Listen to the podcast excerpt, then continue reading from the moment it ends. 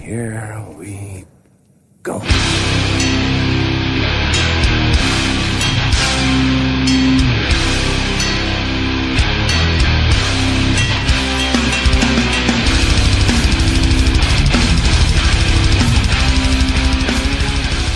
Sådär, välkomna till avsnitt 18 av podcasten Nere på Noll. Eh, här snackar vi hardcore punk och allt däremellan. Idag även massa politik och aktivism. Eh, men eh, först och främst ska jag och Danne ta er in i det här. Tja Danne, allt bra? Tja tja, det är svinbra här faktiskt. David, det lilla aset har hängt på Grekland i en vecka så han är frånvarande idag. Men... eh, eh, Ja, vi- var vi- det och kravallat järnet? Precis, bland barer och taxfree butiker. Eh, Men fan, vi har ju fullsmetat avsnitt idag. Vi har alltså eh, Jens och Tor på besök från eh, Göteborg. Eh, De har båda varit eh, engagerade i både politiskt och djurrätts, i djurrättsrörelsen i Sverige under många år. Och eh, vi kommer ha en längre intervju med dem senare i podden. Eh, Men först och främst ska vi beta av lite grejer som har hänt sen vi snackade sist. Det är väl eh, två veckor sedan. Eh, eller ja, en vecka om man nu valde att lyssna på våran lilla GG Alien special som vi smetade ut förra helgen. Eh, Ja, det är lite som man säger där i inledningen att det känns ju fan ganska sjukt att man ska behöva självcensurera sig. Eh, nu när vi, när vi faktiskt har suttit och snackat om Gigi att man inte eh, på grund av eh, det rådande klimatet och yttrandefriheten i hardcore ska börja liksom eh, fan, ja men inte kunna sända vissa saker. Så är det ju. Eh, men, eh, ja, för fan, det var ju bara en tillfällig kris vi hade här på redaktionen på grund av lite olika anledningar. Exakt. Men man kan ju säga att dagens avsnitt är ju lite av det seriösare.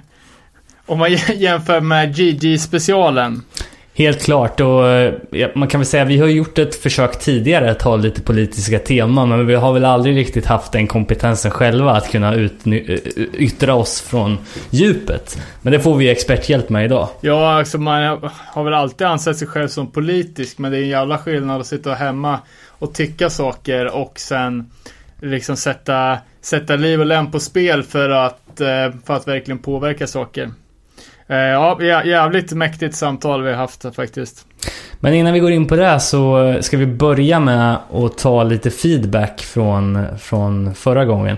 Eh, dels så eh, har det dumpit ner ganska mycket mail i inboxen hos oss med anledning av den tävling som vi har annonserat. Eh, och det kommer vi komma till, eh, resultatet av lite senare. Men vi har även fått lite sköna skärmdumpar på folk som har instruerat eh, sina vänner till Nere på Noll. eh, det var någon, eh, vi fick en skön sms-konversation dumpad i, i inkorgen. Men det man frågade sig direkt efteråt var väl Carcass, det är väl ändå inget vegan metalband? Eller grönsaksmangelband? Nej, det är väl snarare ett fan dödsgrindband som råkar vara veganer. Men eh, shit samma, kul, kul var det i alla fall.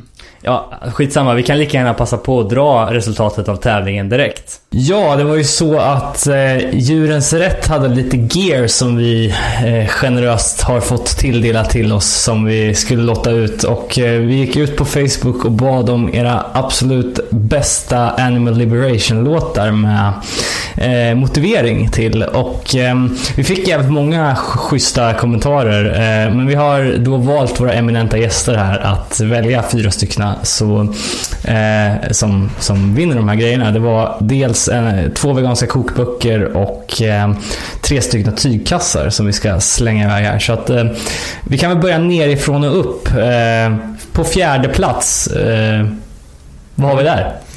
På fjärde plats har vi då eh, Earth Crisis, Wrath of Sanity.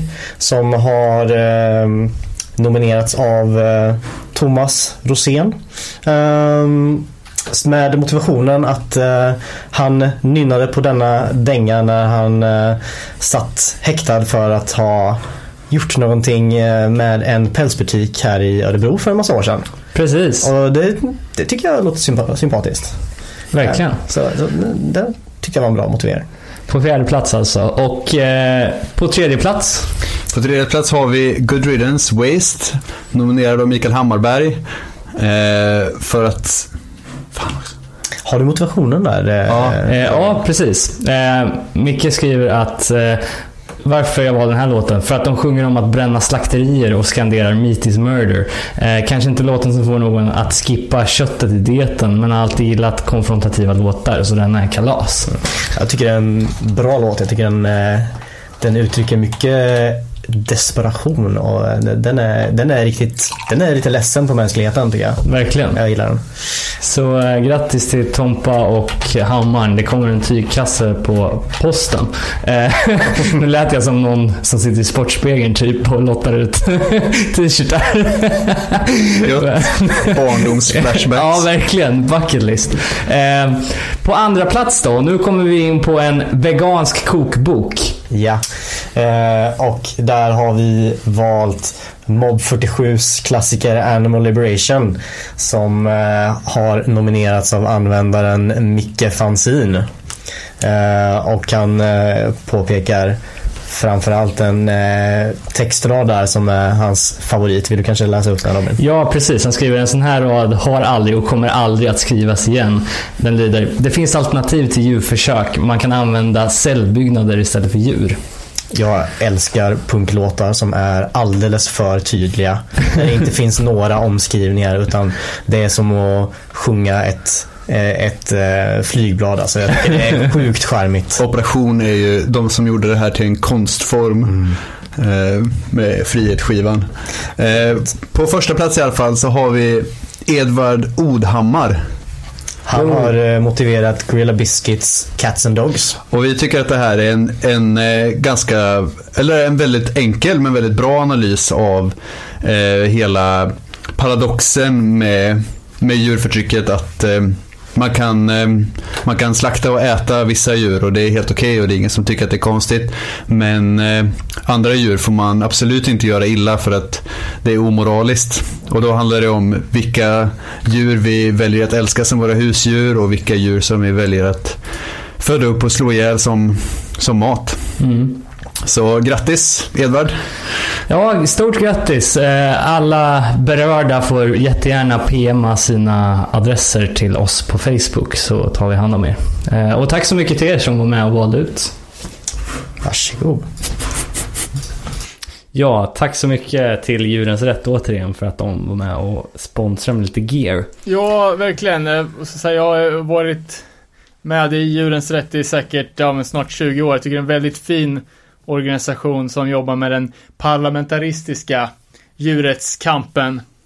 Eh, De har skickat ju Alltså de har ju, de jobbar ju med, med lobbyister som påverkar lagstiftning och så här. eh, Det gör ett väldigt viktigt jobb. Verkligen. Eh, ja, jag har eh, lite grejer som har hänt sen sist som jag skulle vilja hoppa in på om du har någon mer feedback. Eh, nej, eh, go ahead. Eller vad- kanske ska, ska nämna bara en skön... eh, ett bidrag då som var med i den här eh, Animal Liberation-tävlingen var ju Örebrobandet Blodpunks bidrag Animal Liberation. Eh, och jag lyssnade faktiskt på den demon här. eh, ja, här i förmiddag. Så jag tycker jag klart jävla underskattad alltså. Åh fan. Eh, skulle nästan vilja spela upp ett, en liten trudelutt om det går bra. Ja, det går absolut utmärkt. Eller jaha, du har det bara som ett voice memo alltså? Ja, för fan. Jag spelar in med telefonen. Ja, kör.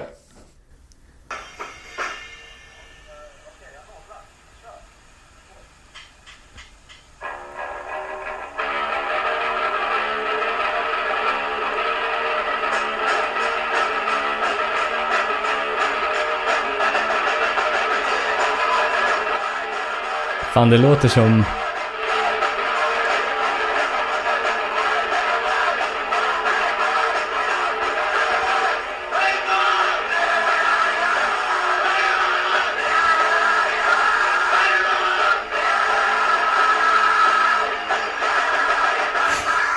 Det är jävligt fett i alla fall. Jag kan säga att eh, jag tror att inspelningen kommer, eh, alltså det tappar inte så mycket i kvalitet för att jag spelar in det på telefonen och spelar upp det i micken. Utan det är det ljudet det är på demon.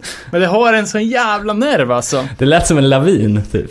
Ja, det, det är fett som fan. Eh, Och den här Animal Liberation-låten är ju kanske den minst catchy av de spåren som, eh, som är på den här sju låtars demon. När är den ifrån då?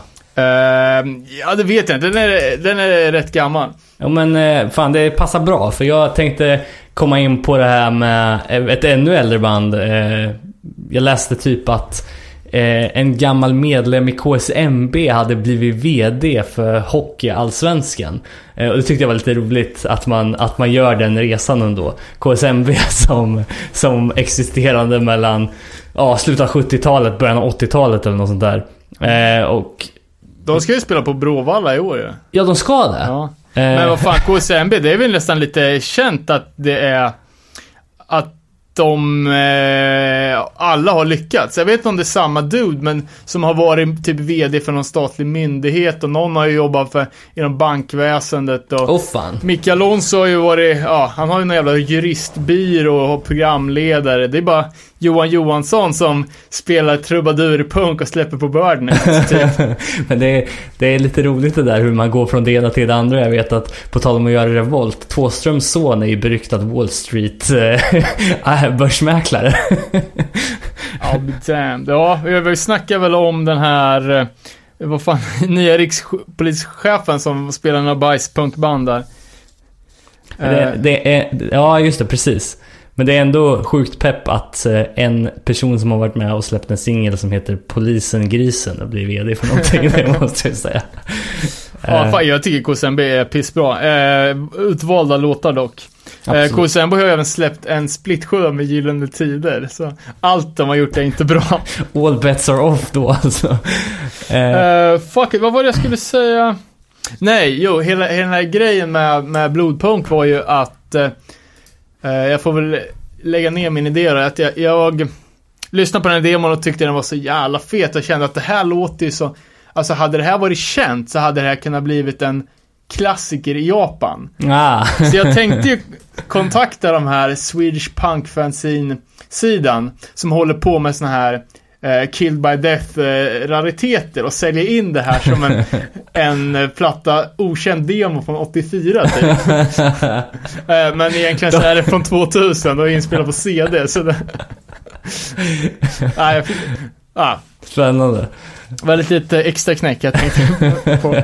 det hade ju gått igenom också, säkerligen. Ja, men det är sjukt bra texter liksom. Eh, fan är... Eh, ja, uh, Ja men det är typ såhär, eh, snuten har inga hjärnor och uh, snuten tar våra pengar, vi hamnar på kåken och ja, ja. Nu är det slut på era jävla lögner, ert blod ska flyta. Stenhårt alltså. Ja det är fan bra. Vad fan annars då? Primitivt jag, som fan. Jag såg att eh, Wolfdown var i ropet igen. Vi, vi kommer nämna det lite senare i intervjun med Tor och Jens men eh, Eh, för ungefär ett år sedan så släppte de sin den här t-shirten som blev ett jävla härj om och eh, nu har de släppt en ny video som har haft exklusiv premiär på Noisy eh, för en låt som heter Flames of Discontent där de, jag antar, typ så här unveilar sin nya sångare. Ja, mm. jo, det, det la man ju märke till. Ja, och Fan vilket B-namn, Flames of Discontent, eftersom det är, ja, som vi pratade om den här Joe Hill-skriften i förra avsnittet. Och då typ Refused-plattan som kanske är en av de kändaste hardcore-plattorna. Precis. Men det var någon som la upp en bild på eh, deras Facebook-vägg med ett, ett klipp från deras musikvideo på ena sidan där de står och viftar med R-flaggor och, och så här. Eller AFA. Ja, eh, flaggor liksom. Eh, och på andra sidan av bilden så var det Islamiska staten som stod och viftade. och de tyckte att det var samma budskap. Eh, men det är helt sjukt. Men eh, eh det, kände, det var väldigt så här... Eh,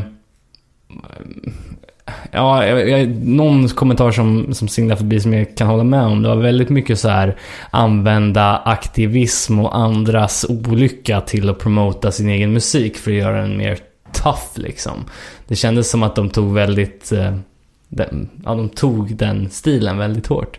Å andra sidan kan man ju se det på ett positivt sätt att, att det är bra att de lyfter fram det liksom. De har ju ändå någon slags plattform att stå på. Det är ett jävligt poppis band. Men, ja. men samtidigt så känns det som att de försöker rida lite på någon slags aktivistvåg eller vad man ska säga. Eh, speciellt när man läser i kommentarsfältet om någon incident i Bulgarien där de vägrar spela för att det kom en nazist i spelningen. Liksom. Jag vet inte hur mycket Ja, information det Ja, ligger i den. exakt. Då är det ju då är det ju inte lösningen att sluta spela. Då är det ju lösningen att plocka bort nazisten. Det borde de nästan de kunna komma på själva. Men såg du den här videon eller? Eh, Jag, såg bara ett, eh, ett klipp. Mm. Men jag jag har aldrig lyssnat på Wolfgang. Jag har fått dåliga vibbar, men det är ju bra. Så jag... Ja, alltså. Är det. Jag tycker också att det är bra.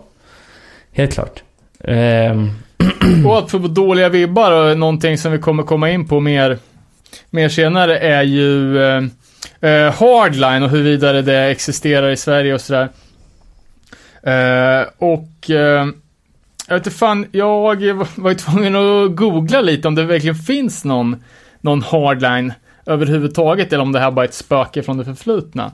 Eh, och eh, man fattar ju ganska snabbt att det här som vi pratade om typ ett av våra första avsnitt, det här med nazi-edgen. mm. Att eh, de som, många av de som kallar sig hardline idag representerar den nazi-edgen. Det är mycket eh, ja men mycket ryska nazis som, eh, som exar upp och som kallar sig för hardline och har eh, ja men samma, samma eh, liksom loggor och så här. Åh fan. Ja, vi, vi minns väl alla den där infamous Instagram-profilen som vi, som vi snackade om. Men, men precis. Så massa merch liksom. No drugs, no antifa och... ehm, jag vet fan. Det är Jävligt. någonting man skulle vilja gräva lite djupare i bara för att det är intressant. Ja, verkligen. Sen blir den här kontroversen ganska konstig eftersom nu om eh, nazi-edgerna försöker reclaima hardline-konceptet. Eh, och jag antar då att de, eh, att de gillar eh, anti, anti-homo-grejen och, och så här. Men eh, eh, nazisternas, har ju, nazisterna har ju skiftat fokus från att hata judar till att hata islam. Mm. Och eftersom hardline-rörelsen konver- konverterar till islam så känns det som att det blir en liten konflikt där. Men, ja, verkligen. Men det är som vanligt, de får för sig att plocka russinen ur kakan och helt skita i det som återstår liksom. Det är ju klassiskt. Russinen ur hardline-kakan. Ja, verkligen.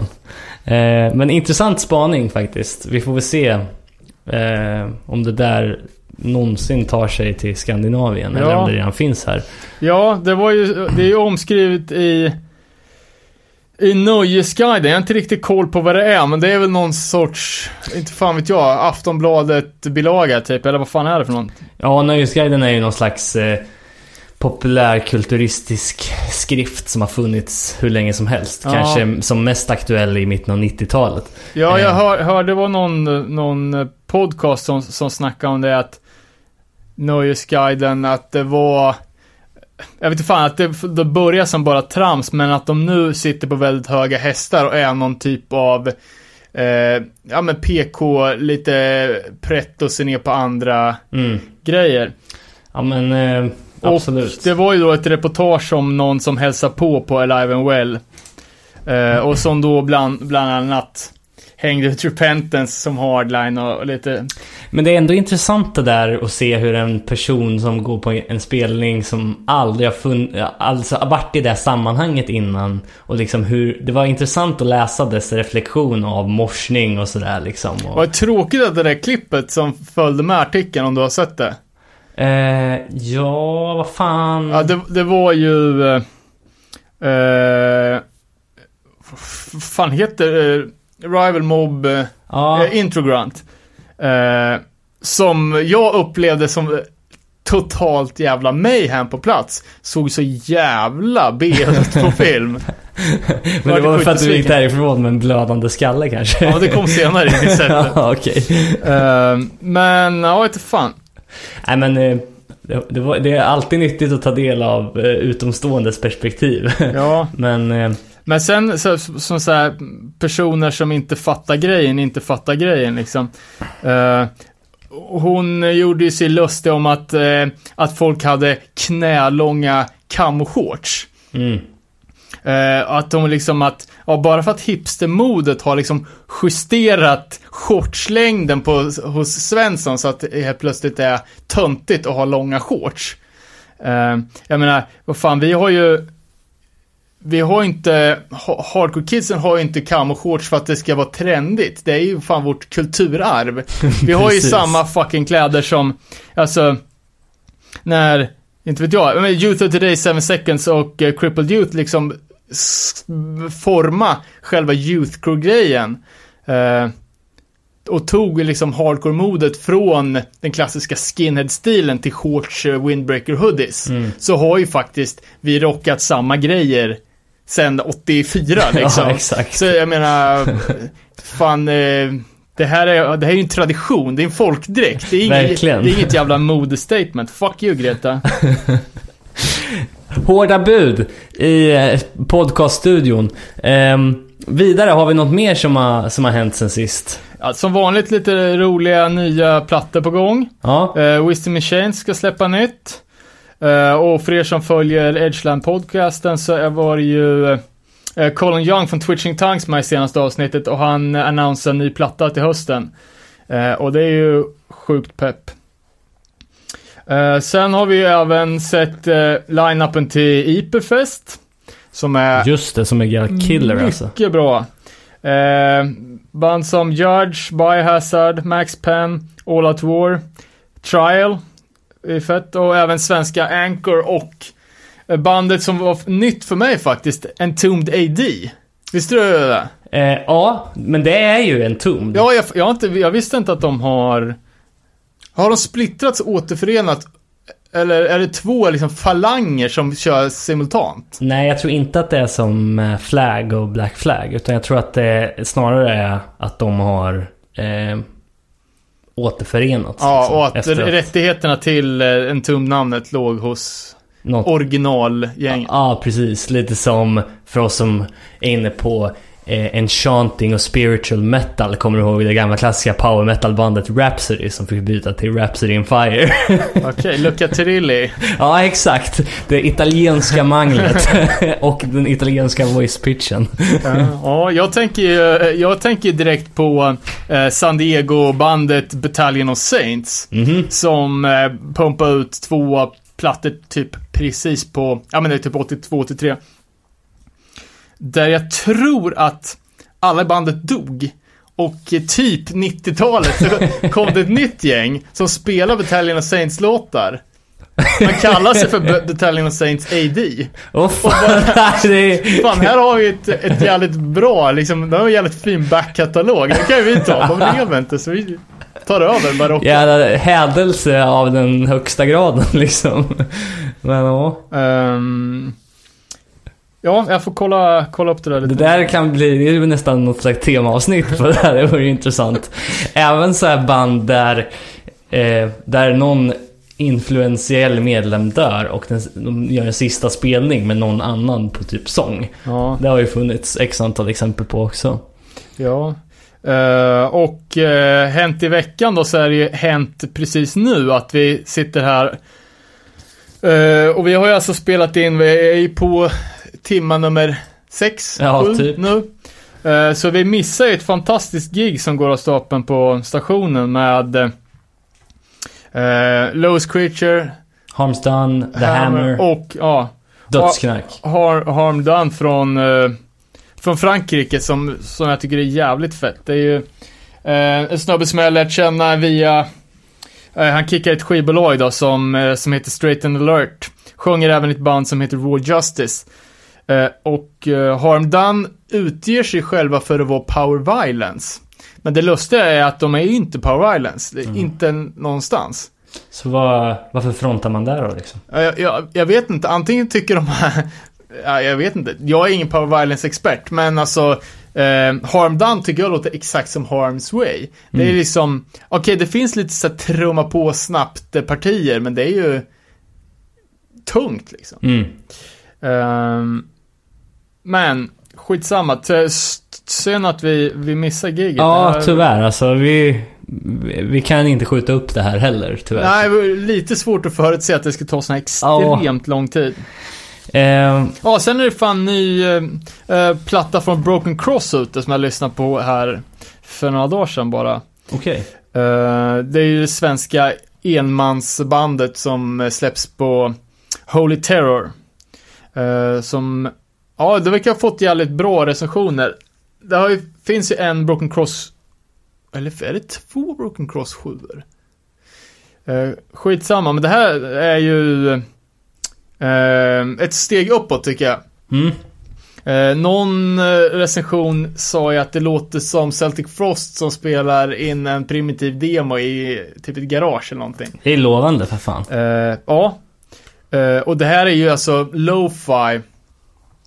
Eh, alltså, det är ju dåligt ljud med flit. Ja. Alltså med dagens inspelningsutrustning så går det inte att få fram så här ruttet ljud.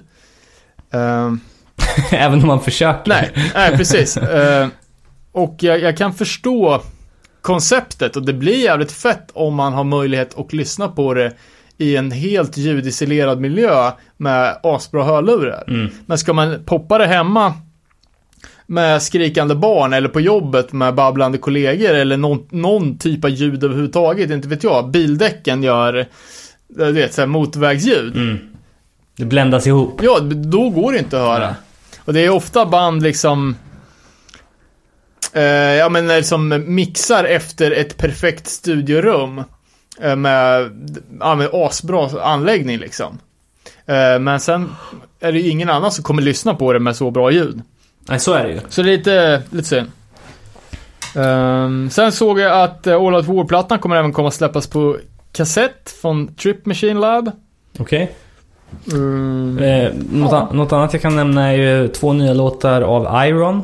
På deras just det. kommande släpp som ska vara en eh, koordinerad eh, historia med jävligt många bolag igen. Det är sjukt kul att de satsar så jävla hårt på Alltså samarbete med deras, releaser liksom. Det är Ja. ju, de får ju verkligen ihop eh, olika bolag liksom. Ja, jag ser det som att det vara svårt för bolagen om det är så jävla många inblandade i.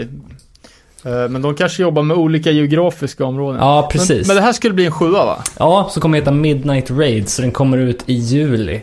Så att eh, håll utkik för det. Ja. Eh, ja, och eh, ja, jag hade ju också lagt märke till att det var ny Iron 7 på gång och eh, något som vi kommer komma in på sen är att vi precis har varit på Gråsrock och ett av eh, de eh, den största överraskningen var ju bandet Iron Reagan som lirade. Mm. Så börjar jag spinna vidare på att det finns ju ganska många band som har med Iron att göra. Så jag har gjort en liten lista Åh fan. Eh, på mina favorit Iron-band. och då, nu tar jag inte med alltså hårdrocksband, finns det ju miljoner. Alltså, Ja, som det känns som att det... Iron Maiden, Iron Virgin och sånt Ja, där. Utan exakt. nu är det bara hardcoreband. Eh, utan eh, inbördes ordning. Iron Lung, Iron Tongue, Iron Cross, Iron Chick, Iron Age, Iron Reagan, Iron Boots, Skin Like Iron, Iron Prostate, Iron Fist, Iron Rain, Iron Mind, Iron Youth, Iron Side, Iron Bound, NYC. Iron Prince, Iron Ro- Jaw, Cast Iron Raw, Cast Iron Hike, Irons. Och så har vi de europeiska. Ironclad, Iron Skull, Iron Fist, Iron to Gold, Iron Curtain och X-Iron X. Fan, det var kanon alltså. Det var många där i smeten Ja, alltså. det var mi- mina favoriter. Så. Iron Chic blev jag sugen på att lyssna på nu faktiskt. Det är typ, eh, jag tror det är ett av de enda på den här listan som jag faktiskt inte har lyssnat på. Nej okej, ja, men det är ju mer åt punkrockhållet men... Eh, ja. Det är, det är ett populärt ord, minst sagt. nice. Eh, fan, om vi ska komma in på gråsrock då, när du ändå var igång- och snacka med det. Ja, Eh, fan, vi, vi rullar ju ner där i, eh, i förra veckan. Kan väl så här retrospektivt säga att vi underskattade restiden ganska grovt. ja du sa, du sa 12 timmar. jag, jag fick för mig att det var cirka 12 timmar. Det var uppåt 20 ska sägas. Men fan, vi var vid god vigör när vi kom ner. Fick slagga i lobbyn på hotellet för att vi missade incheckningen. Ja, det Eh. var inte, det var inte bara det, eller... Alltså, ja, vi lämnade ju Örebro. Vi siktade på att dra vid fem på morgonen och vi körde alltså, ja det var ju 140 mil. Mm. Eh, och eh, vi tre icke-edge här i baksätet spenderade de sista 70 milen drickandes öl. och eh, alltså ni stackare som fick köra var ju, alltså vi var jävligt trötta när vi kom fram Ja, där. ja. Klockan två på natten. Eh, och uh, öppnar dörrarna till hotellet, receptionen är tom. Det är typ släckt. Och eh, ja, vad fan gör vi? Vi letar på varsin soffa la oss. Mm. Sen eh, vid åtta snår på morgonen kommer en liten frukostvärdinna och typ frågar vad, vad, vad gör ni då? eh, och då visar det sig att de har glömt att låsa entrédörren till hotellet. För innan den dörren så sitter det ett litet plakat med instruktioner hur man ska göra vid sen incheckning. där man då kan hämta ut nycklar och så här. Men i och med att vi bara kunde valsa rakt in så såg vi aldrig det här plakatet. Nej exakt, vi dansar ju in där på en sta- stabil diet av Tyskland. Det vill säga paprikachips och Skittles typ. och folkisar för er på. Eh, Så att vi var ju inte i bästa psykiskt skick där. Men vi, vi kom ändå igång bra på, på fredag morgon där tycker jag. Eh, Och, och Danne, du hade ju förberett eh, lite kategorier här baserat på de olika banden som vi såg. Som vi skulle dra igenom. Ja, jag tänkte vi skulle kunna sitta och prata hur länge som helst, men nu har vi kört så jävla länge, så vi tänker om vi håller oss till Uh, ja men typ, vi säger bästa gig, sämsta gig och sen typ uh, bästa överraskning, någon besvikelse och, och sen kanske om något som faller in, något uh, övrigt som måste nämnas liksom. Absolut. Så Robin, vad var bäst då på gråsrock? Det var ju Satanic Surfers. Eh, alltså det finns eh, få spelningar som jag anser är perfekta. Och det här var ingen, inget perfekt gig. Det var inget 10 av 10. Men allt förutom själva scenen som de spelar på var bra. Det var liksom låtar från alla plattor som man ville höra. Det var Going Over Fast, det var Hero Over Time, det var Unconsciously Confined. Eh, ja, det var liksom en jävligt bra och härlig blandning av låtar. Och man tänker ju så här liksom, ja men det är reunion. Det kan vara, alltså värsta man kan tänka sig nu i dessa reunion-tider är liksom att ja, det är en cash grab liksom. Men det var sjukt jävla tight, det var spelglädje, det var liksom inhopp från tidigare medlemmar som inte var med. Eh, Okej. liksom gjorde, gjorde gästspel på, på gigget. Och det var liksom... Eh, om jag jämför med när jag såg Atlas Losing Grip förra året på, på samma scen så kändes... Eh, ja, det kändes som att en Rodrigo hade en annan glädje i det han gjorde och det såg, sågs att det var genuint. Sen så... Eh, de hade ju fått byta gitarrist ganska tätt in på det här för att han som var tilltänkt från början inte hade möjlighet att komma och han har tydligen fått tacka nej till alla gig under sommaren men han kanske kommer att få vara med längre fram då. Eh, men eh, jag... Allt förutom att jag fick någon jävel i nacken för att jag stod längst fram och han skulle diva så... Så är jag svinnöjd liksom. Det var... Det var liksom check på bucketlisten för mig. Jag kan inte vänta till nästa gång jag får se dem. Och, och eh, scenen, det var då att det var för stor scen. Ja, liksom. De spelar ju på, på den största av, vad var det, fem scener? Precis. Och Gråsök, det visste inte jag, men det är ju alltså den största punkfestivalen i världen. Åh fan. Och eftersom det blir större och större för varje år så var det här alltså den för, största punkspelningen. Åh fan. Eller punkfestivalen. Det var som fan. Eh, jag vet inte, jag har inte sett några siffror, men vi snackar ju runt 30 000 pers i alla fall. Ja, ja, ja. Absolut. Eh, och, det, och det tyckte jag kändes på plats också. Framförallt på lördagen. Då Ja. det liksom tjockt så inåt helvete liksom. Men ändå ganska bra för att, alltså om man jämför med, jag ja men typ bara varit på Hultsfred där det var det sådär äckligt mycket folk. Mm. Eh, och det här var ju tusen gånger intimare än, än Hultsfred. Jag ja. menar, det var ju de mindre scenerna där de mer renodlade hardcorebanden spelade var ju utan vakter eller staket. Mm. Eh, Dive compatible. som, som in i helvete. Själv då? Vad tyckte du var bäst? Hmm, eh, ja, alltså jag, gick ju in med förväntningarna av att Good Riddance skulle vara bäst och det var lite baserat på att det var typ det enda bandet på hela line-upen som, som jag inte hade sett live. Eller i alla fall de som jag var intresserad av. Jag tyckte väl att det var lite trött faktiskt, även om det är bra låtar och så här. Men kändes lite trött för att vara Ja, Russ är ju en nykter hälsokostare så han borde ju ha, ja, va- vara i lite piggare vigör. Eh, men bäst skulle jag nog faktiskt säga Turnstyle. Det känns ju lite B och eh, liksom klassa 1 av de minsta och eh, liksom nyaste banden som, som bäst på festivalen men helvete vilken leverans alltså. Vilket mos det var alltså. Helt sjukt. De eh, lever fan upp till, till hypen. Uh, nej, så, är så, sån jävla leverans från alla i bandet Mm. också.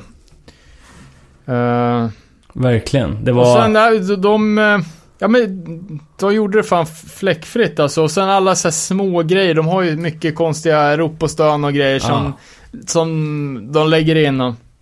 Som det kan vara svårt att återskapa live. Speciellt Ja, men- om man jämför med Cold World till exempel. De har ju också jävligt mycket skit som inte kanske höll hela vägen. Nej, där måste jag faktiskt säga att det var ju ett av de banden som jag hade hoppats mest på, men som var den största besvikelsen. Mm. Uh, verkar inte som det var så många som delar min, eh, min åsikt, men det var ju kanske för att jag stod eh, jag stod längst fram och det var så in i helvete dåligt ljud. Mm. Uh, kan ju bero på att jag hade öronproppar i och så stod jag då nä nära högtalarna, men eh, det, det vart bättre när jag, när jag flyttade mig till uh, typ mitten av hästskon. Eh, men folk peppade som fan. Det var ju typ första bandet, eller första spelningen jag såg på hela festivalen. Mm. Eh, och eh, ja, de hade ju lite reducerad styrka. Det var två pers från Title Fight, trummisen och en Gitarrist. gitarrist. Eh, och sen var ju även sångaren från Title Fight med och, och gästa på en låt. Eh, men det, det som gjorde att eh, det föll mest, tycker jag, är ju att han fusk, uh, originalsången fuskar så för jävligt med sången. Uh, alltså, ja.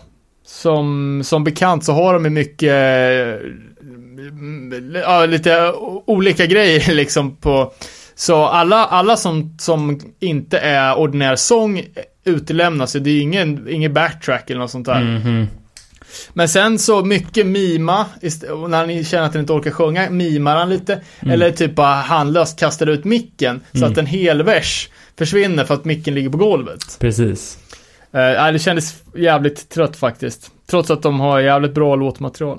Sa du någon kategori som du ville slänga in Cold World på eller? Ja, det måste jag faktiskt säga största besvikelsen. All right. Eh, Min största besvikelse, har lite anknytning fast, faktiskt, det är Title Fight. Eh, Jag eh, tycker att om man är ett band som har släppt en av de mest stage dive kompatibla plattorna någonsin så ska man inte inleda sin konsert med att spela ett 10 minuters jävla eh, bajsintro liksom på odistad gitarr som bara där sångaren inte ens är på scen och gitarristen står och sjunger. Va? liksom. Nej, det var katastrofväg därifrån. Nej, men jag, kan tänka att vissa av de här banden eh, också är ett liten besvikelse över American Nightmare. Mm. Eh, som American Nightmare spelar ju näst sist på hela festivalen och hade ju alltså vad hade de en timma schemalagt? Mm. Och det här är ju att de har ju, om man räknar bort demon, eh, så har de ju för fan inte ens låtar så det räcker till en timma. Vilket gjorde att de var tvungna att köra massa Ja men typ så instrumentala intron bara för att dryga ur. Och sen gick de ju faktiskt av scenen typ en kvart innan deras tid var slut. Åh oh, fan. Uh, det giget... eh, Alltså, ja, jag, jag, tänkte fan på det alltså, när jag stod där att eh, shit vad snabbt man glömde American Nightmare. Mm. Eh, sen gjorde det inte saken bättre att det var så jävla dålig sång. Nej, nej. Eh, men, eh, ja, hyggligt, mm, bra framfört ändå, men, uh, fan. Besvikelse. Eh, största överraskning då? Vad har du där? Ja, jag måste ju säga att det var Transit alltså. Ja, ja, ja. Eh, jag har inte hört dem förut, för- förutom typ några låtar i bilen. ja. Eh, och alltså, det det är ju riktig guilty pleasure måste jag Verkligen. säga. För att det här är ju, jag vet inte ens vad det är för genre. Är det emo eller? Är... Det är ju Saves the Day liksom, den klicken liksom. Okej, ja. Åt det Jag, jag tänkte att det här låter typ som James Blunt eller något. Jag är inte säker på hur James Blunt låter, men alltså som det värsta jävla strandraggar radiomusiken du kan tänka dig. Fast på så jävla bra låtar Ja, alltså. precis. Och det är ju poppunkigt liksom. Ja, fast helt utan punkt Ja, exakt. Nej, jag måste säga att jag gillar det också som fan. Eh, dock faller min största överraskning på Agnostic Front just med tanke på att det verkligen var smärtsamt att gå därifrån för att se, jag kommer fan inte ihåg vad det var, var det Millencolin vi skulle se då? Ja, fan Eh. vi fick ju den stora äran att vara Millencolins gäster på, på Grås också. Eh, Vi eh, var ju såklart tvungna att stå på, på scenen när, när Millencolin spelade, när, eh, när de hade bjudit in oss. Eh, men vi hann väl se i alla fall halva agnostiksättet och det, ja, det är inte första gången man ser dem heller. Nej, men det här var ju en tok-energi liksom. Och det kändes som att de firade av rökare efter rökare liksom. Ja, det var ju jävligt mycket nytt, tycker Mm. jag ändå. Det är möjligt att de öppnar med nya och halvnya låtar för att sen gå tillbaka till, eh, till, eh, ja men lite mera, ja men 80-talsprylar. Och det kändes som att Crucified var en låt bort tills vi var tvungna, när vi var tvungna att gå. Det var det som var så Ja, deprimerande. Men... eh, men alltså det man tänkte på direkt, jag har inte sett Agnos, jag måste ha sett dem tio gånger. Att eh, jag aldrig sett Winnie Stigma så jävla aktiv på scenen alltså. Nej. Och det här ska sägas att, att Winnie Stigma fyller 60 i år. Jag tror fan han röjde mest av någon gitarrist. På hela festivalen. På hela festivalen. Ja, verkligen. Utan eh, något avbrott i gitarrspelandet ska sägas. Nej, det är alltså det går ju någon typ av, av råttan i pizzan historia om att Winnie Stigma eh, istället för trådlös har ett SIG-paket i axelbandet där sladden går in. och Att han inte hörs överhuvudtaget. Det där är så sjukt för jag tog upp, jag tog upp Agnostic Front med en kollega som brukade eh, vara inne på hardcore. Han spelade i eh, ett Karlstad-band som heter Switchblade eh, eh, eller hette de det? Någonting Ja, där. ja, för fan. Ja, eh, men han har inte varit aktiv i hardcore-scenen på tio år liksom. Men vi började snacka om Agnostic Front och han drog den här historien då också. Ja, Så att den är ju, den har ju ett par år på nacken och vi fick väl lite vatten på vår kvarn. ja Vi- men, men faktiskt alltså. Alltså det, det sparkas, det slås, det snurras. Och hoppas. Och det påverkar inte gitarrspelet ett, ett dugg. Fast han står med, med plektrumhanden i näven liksom. Precis, och är fem år från folkpension. Eller hur? Eh, så ja, men, eh, han är ju mer en, en maskot än en Ja, gitarrist liksom. Eh, inget ont om, eh, om Stigma, han är ju en, en jävla... Legend. Jag såg även upp att det var en, eh, för en Kickstarter uppe för eh, kommande Agnostic Front dokumentär. Okej. Eh, som kommer vara baserad runt eh, Roger och Winnie Stigma då. Cool. Eh, största bes- eller, st- sämst har vi en kategori också. Som... Ja, jag har, jag har en direkt. Om du inte kommer på något på Ja, jag har garanterat. Jag vet exakt vad jag ska säga Ska vi, se, ska vi säga på tre? ja, okej. Ett, Två, tre. Forus. Nej. nej. vad, börjar, vad fan Forus? Du är ju aspeppad på Forus ju. Ja, men vet du vad grejen var? Jag hade inte koll på att eh, det är gitarristen som sjunger. Ja. För ett halvår sedan så gick hans halsmandlar sönder. Så han typ kan inte sjunga längre. Så de hade tagit in någon jävla jöns som eh, sjöng istället. Och det var, det var det sämsta jag någonsin har hört. Och eh, plus att det var svin-otajt. Jag menar den där musiken är inte lätt att spela. Men ska ni spela ta- Ja, ja, ja. tappa på gitarrer liksom. Då måste det hålla live annars så... Eh, men sen så spelade de på den absolut minsta scenen och det var inte... ja, det var ju lastbilsflaksstorlek på den scenen. Ja, verkligen. Eh, men med tanke på hur mycket jag peppar deras eh, första skiva och de spelar jävligt mycket låtar från den så var det det jag tyckte var absolut sämst eftersom jag såg fram emot det så mycket. Ja, men Forus, det var intressant att se, för det är inte ofta man ser Alltså, jag har aldrig sett det när de spelar låtar som är enbart uppbyggda på tapping. Nej, exakt. Uh, nej, inte fan. Nej, jag måste ju säga sämsta, alltså, sämsta spelningen. Alltså, eh, jag är aldrig varit något riktigt Lagwagon-fan, men det var fan inte bra alltså. Tycker du inte? Nej, jag tycker det var trött så in i helvete. Och sen så, alltså jag drog efter ett tag för... eh, ja, det är ju... uh, gitarristen är det väl. Uh, runkmannen. Ja. Som, som de kallade på scen Big Bitch Chris.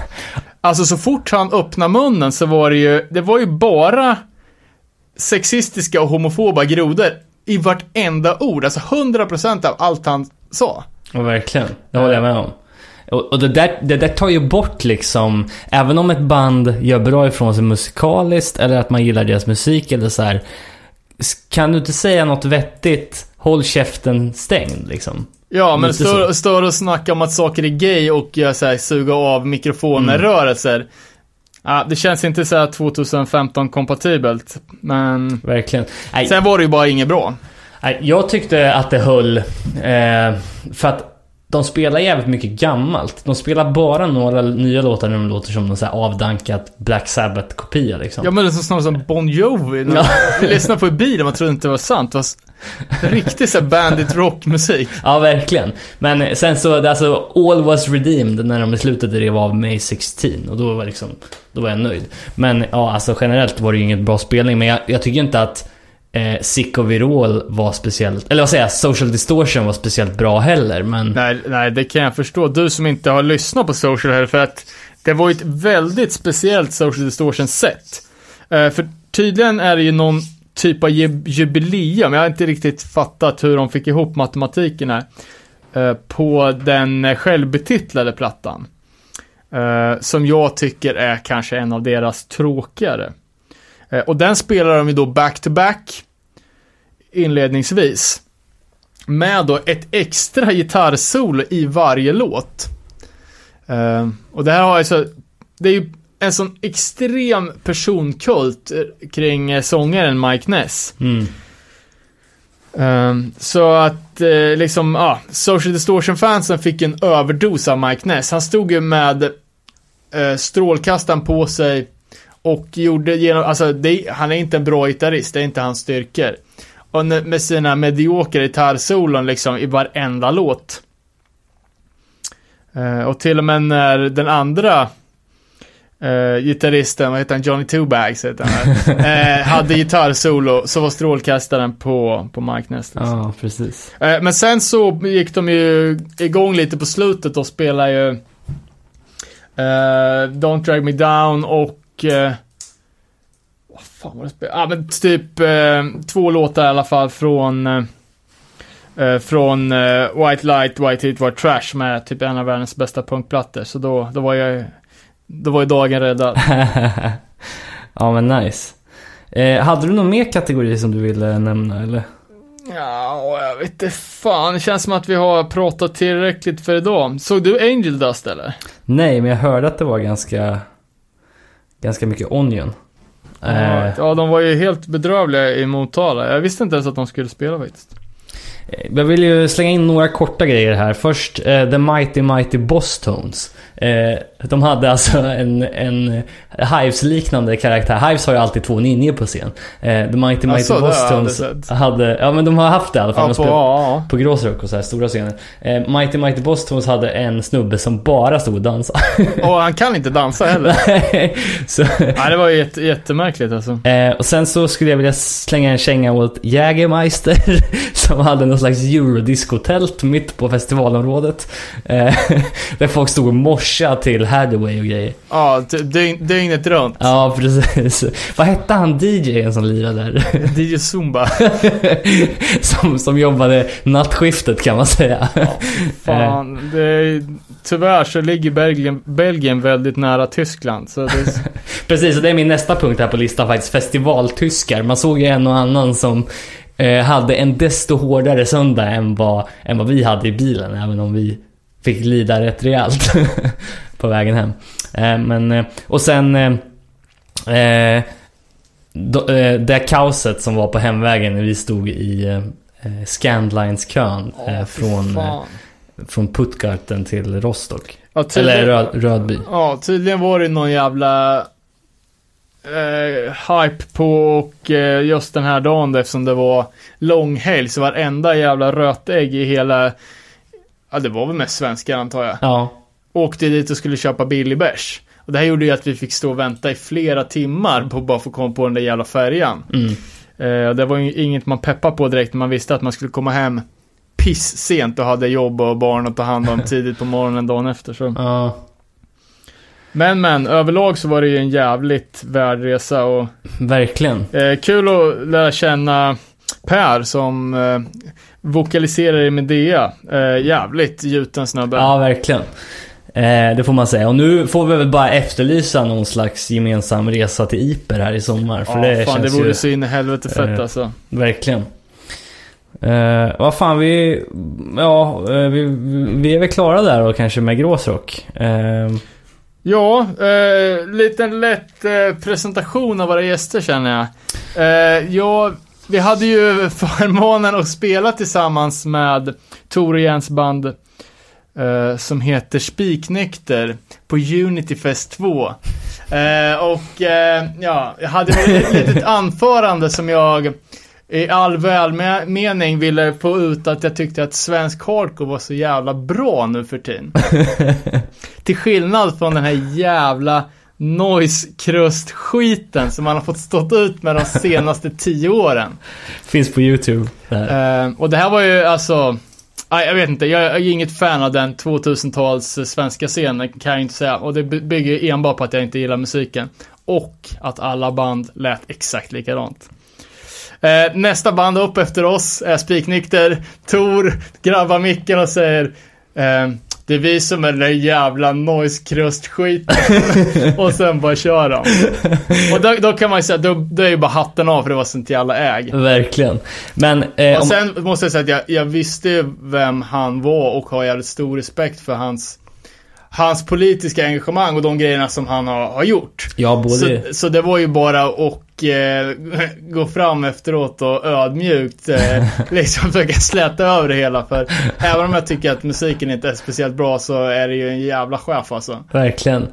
Eh, Sjukt kul att de ville komma och gästa måste jag säga. ja, verkligen. Eh, Långväga gäster. Både Tor och Jens är ju uppvuxna i Linköping och det var där jag träffade dem när jag flyttade dit kan man säga. De, de drev i början av 2000-talet VC Media eh, och gav ut flera fanzines. De har haft banden Spiknykter och Seeds in Barren Fields ihop och framförallt så har de varit djupt engagerade i djurets och politisk aktivism med flertalet besök i Palestina, på Västbanken och även i Grekland. Eh, så att eh, Håll till godo. Många, många mer saker som vi tyvärr inte kommer hinna gå, ta itu med idag. Precis. Bland annat eh, eh, resor till, vad till Antarktis där. Med Sea Shepherd ja. Med Sea Shepherd som var en väldigt intressant historia om eh, ja, hur de ute på fan eh, ja, säkert eh, mil från närmsta land och håller på att försöka sänka varandras båtar i nollgradigt vatten och Precis. eh, så vi hoppas vi kunna göra en uppföljning på det här eh, igen. Vad det lider. Men här kommer då alltså eh, intervjun med Tor Jens. Så där då, veckans huvudämne eh, har vi kommit in på och eh, just nu så är det bara jag, Robin, som befinner mig här. Eh, Danne, du är med på eh, telefon. På länk. Jävligt kul att få testa att spela in från annan ort. Ja, verkligen. Vi Eh, har ju två eminenta gäster den här veckan och eh, våra scheman funkar inte riktigt. Så kan inte Mohammed komma till berget får berget komma till Mohammed. Och nu är det jag som får vara telefongäst istället. Precis. Kan inte Mohammed komma till berget får berget ringa till Mohammed. igen. och eh, den eh, fina stämman vi hörde där var från eh, Tor. Eh, inrest tillsammans med Jens här för att Hallå. representera. Välkomna får vi säga. Tack så mycket. Tack. Jävligt kul att ha er med. Ja. Eh, och vi ska beta av både högt och lågt här idag, eh, har vi tänkt. Eh, det blir mycket politik, mycket eh, djurrättsaktivism och eh, Ja, det är lite allmänbildande avsnittet kan man väl säga att det blir förhoppningsvis i alla fall. Eh, vi, Ja, eh, det, det känns jävligt fett också för oss eh, att få höja verkshöjden lite. Vi har ju mest sysslat med, med garv. liksom. ja, exakt. Blaj. Inte minst personifierat i det senaste vi hävde ur oss, nämligen en Gigi Allen special. Men, eh, men det kan man kolla in. Eh, hur som helst, jag tänkte väl att vi skulle börja lite på, med er två. Eh, vad, hur, hur kom ni in på hardcore? Ja du, det, det är en bra fråga. Jag kom in på hardcore genom att vi, eh, jag var med i ett band som började repa på skylten i Linköping. Och eh, på skylten, det här var ju 2001 hände det ganska mycket. Så eh, genom det så gick jag med i en eh, arrangörsgrupp där som heter Oljud. Och eh, jag började nog inte gå på hardcore-spelningar förrän jag faktiskt gick med i den arrangörsgruppen. Började gå på de spelningarna som de gjorde. Eh, och kom in på det den vägen. Ehm, innan dess så var jag mer inne på, på typ hårdrock och, och sådana grejer liksom. Ehm, så ja. Ja. Jag eh, bodde ju Alltså ett ställe som heter Ljungsbro som ligger en bit utanför Linköping. Vem Och- är det som pratar nu? Ja, nu är det Tor som pratar. Ja, prata så lyssnarna har koll. Ja, okej. Så när, ehm, så det var lite mäckigt att ta sig in till stan och så, men sen så flyttade min familj in till Linköping från Ljungsbro då. ehm, I samband med att jag började gymnasiet när jag var 16. Eh, så då, ehm, eh, då så fanns det en massa spelningar att gå på, så då började det gå och det var jag vet inte, jag tror att det var Jens, att jag följde med Jens och vår kompis Gustav på min första spelning. Men jag är inte alls säker, det här, jag vet inte riktigt. Det var i alla Vad fall är det för, för år vi snackar om? 2001 Ja, för 20, min del. 2002 eller om det till och med var 2000. Det, det är de, de krokarna i alla fall. Jag tror att det var runt, jag tror det var 2002 som jag gjorde typ mitt livs största miss och lyckades gå från en Catharsis-spelning innan de hade spelat och sen två månader senare så laddade jag ner en MP3 och upptäckte att det här var ju världens bästa band. Jag, Eh, och sen så har jag lyssnat på Catharsis i stort sett dagligen sen dess. Så jag fick inte se dem live förrän förra sommaren. för, för, förra sommaren. Förra sommaren. Men det var väl oljud som låg bakom många av de här klassiska giggen i Linköping med Good Clean Fun Ja. och eh, många av de lokalbanden där, Outlast, Se- Section 8, Roswell och, eh, och så. Eh, Ja, det var, det var mycket bra grejer. Jag minns eh, en av de första spelningarna jag gick på var Get Up and Goers Så det var min spelning. första spelning. Ja. Get Up and Goers sista spelning var min första spelning. Ett jävla stå på. Ja, ja det var, det var skoj. Men ni har, eh, det var väl, ni gick väl vidare till, från att arrangera spelningar även till att starta det här Science och, och diverse liksom DIY-grejer liksom. Alltså att ehm, hela scene-grejen tyckte jag var jävligt spännande. Och det var väl genom, ehm, genom att läsa fanzines så ehm, började jag tänka mycket mer kring politik i alla fall. Jag, jag hade ju någon slags politisk eh, övertygelse eller tanke kanske när jag kom in i hardcore-scenen men att det var genom de idéer som fanns eh, i musiken och i fanzines som det lite mer tog fart och utvecklades. Mm. Och ehm, det ledde ju sen i längden till att jag ville göra egna fanzines också. Ehm, så vi gjorde ett fanzine, kan det ha varit 2003-2004 som hette Alive. Där vi Ja, det vi. ehm, började, vi gjorde liksom ett helt eh, politiskt fanzine. Det handlade ingenting om musik utan det var bara liksom eh, våra eh, politiska idéer som vi eh, fick lägga ut på några uppslag där och klistra Precis. ihop. Just det. Det här är ju också när vi Hur var... såg scenen i, i Linköping ut? Jag tänker...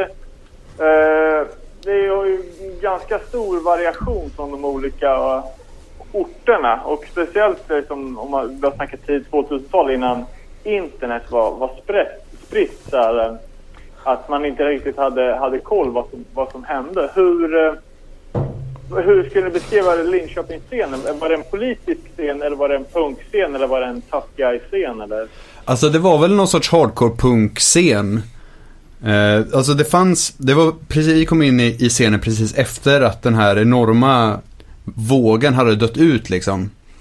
Eh, så det fanns inte, eh, visst det fanns mycket, ganska mycket folk men det, men det fanns inte så mycket folk så att det kändes värt att dela upp i, i två olika scener. Så det var ju krustare och hardcore kids liksom på samma, på samma ställe och då var det väldigt mycket en Ja men en hardcore punk-scen liksom. Mm, mm. Och sen så flaggskeppet var ju fortfarande Outlast. Ehm, och Henke var, som sjöng Outlast, han var ju fortfarande aktiv i oljud liksom när vi, eller när jag gick med och eftersom att jag gick med efter Jens så var det ju Mm. Så var han ju aktiv då också liksom. Så, ja, men Ja, var, det- var, var det, det var två uh, arrangörsgrupper, oljud, och så var det, hade Boris någon grej va? Ja fast det kom, det kom några år senare. Det tror jag var runt 20, 2004, 2005 kanske så eh, flyttade ju Boris till eh, Linköping och startade. Fight Music. Och då blev det ju lite eh, mer av en splittring för då kom ju liksom mer av den här tough guy-stilen in liksom och det var många i det gamla gardet i oljud där som reagerade mot det och tyckte inte att det var deras sorts hardcore liksom. Mm. Och där var väl Alltså det, det är svårt att snacka om eh, vilka som var politiska och vilka som inte var politiska men det var många som associerade den här tough guy-stilen med eh, en opolitisk inställning till hardcore. Sen fanns det ju innan i Linköping, eller så här, när oljud var den enda arrangörsgruppen så fanns det ju Det var ju ett politiskt klimat. När jag kom in i scenen så var jag med Ung Vänster liksom, men blev radikalare och radikalare mycket genom punkscenen. Um, så det, det fanns ett politiskt klimat, men det fanns inte så mycket politiska aktivister som var delaktiga i, i hardcore-scenen, utan det handlade om en, om en subkultur liksom. Um, och det var något som, som Ja, men som jag tyckte var, var tråkigt liksom, för jag upplevde det här som en väldigt, väldigt politisk miljö. Men sen så blev det väldigt mycket att folk satt på, på Yngves och drack kaffe och, ehm, ja, men och pratade liksom och gjorde inte så mycket. Men vänta, nu, nu, nu glömde. Vilka år sa vi att det här var? Tidigt 2000? Ja, men 2001, 2002, 2003 typ. Ja, för Och man tänker, om man tänker hardcore eh, worldwide så hade ju eh, liksom, ja, vi i Sverige körde ju vår egen grej i och med att hardcore var typ störst i världen per capita i Umeå i Sverige och den, den eh, gamla rörelsen var ju jävligt politisk.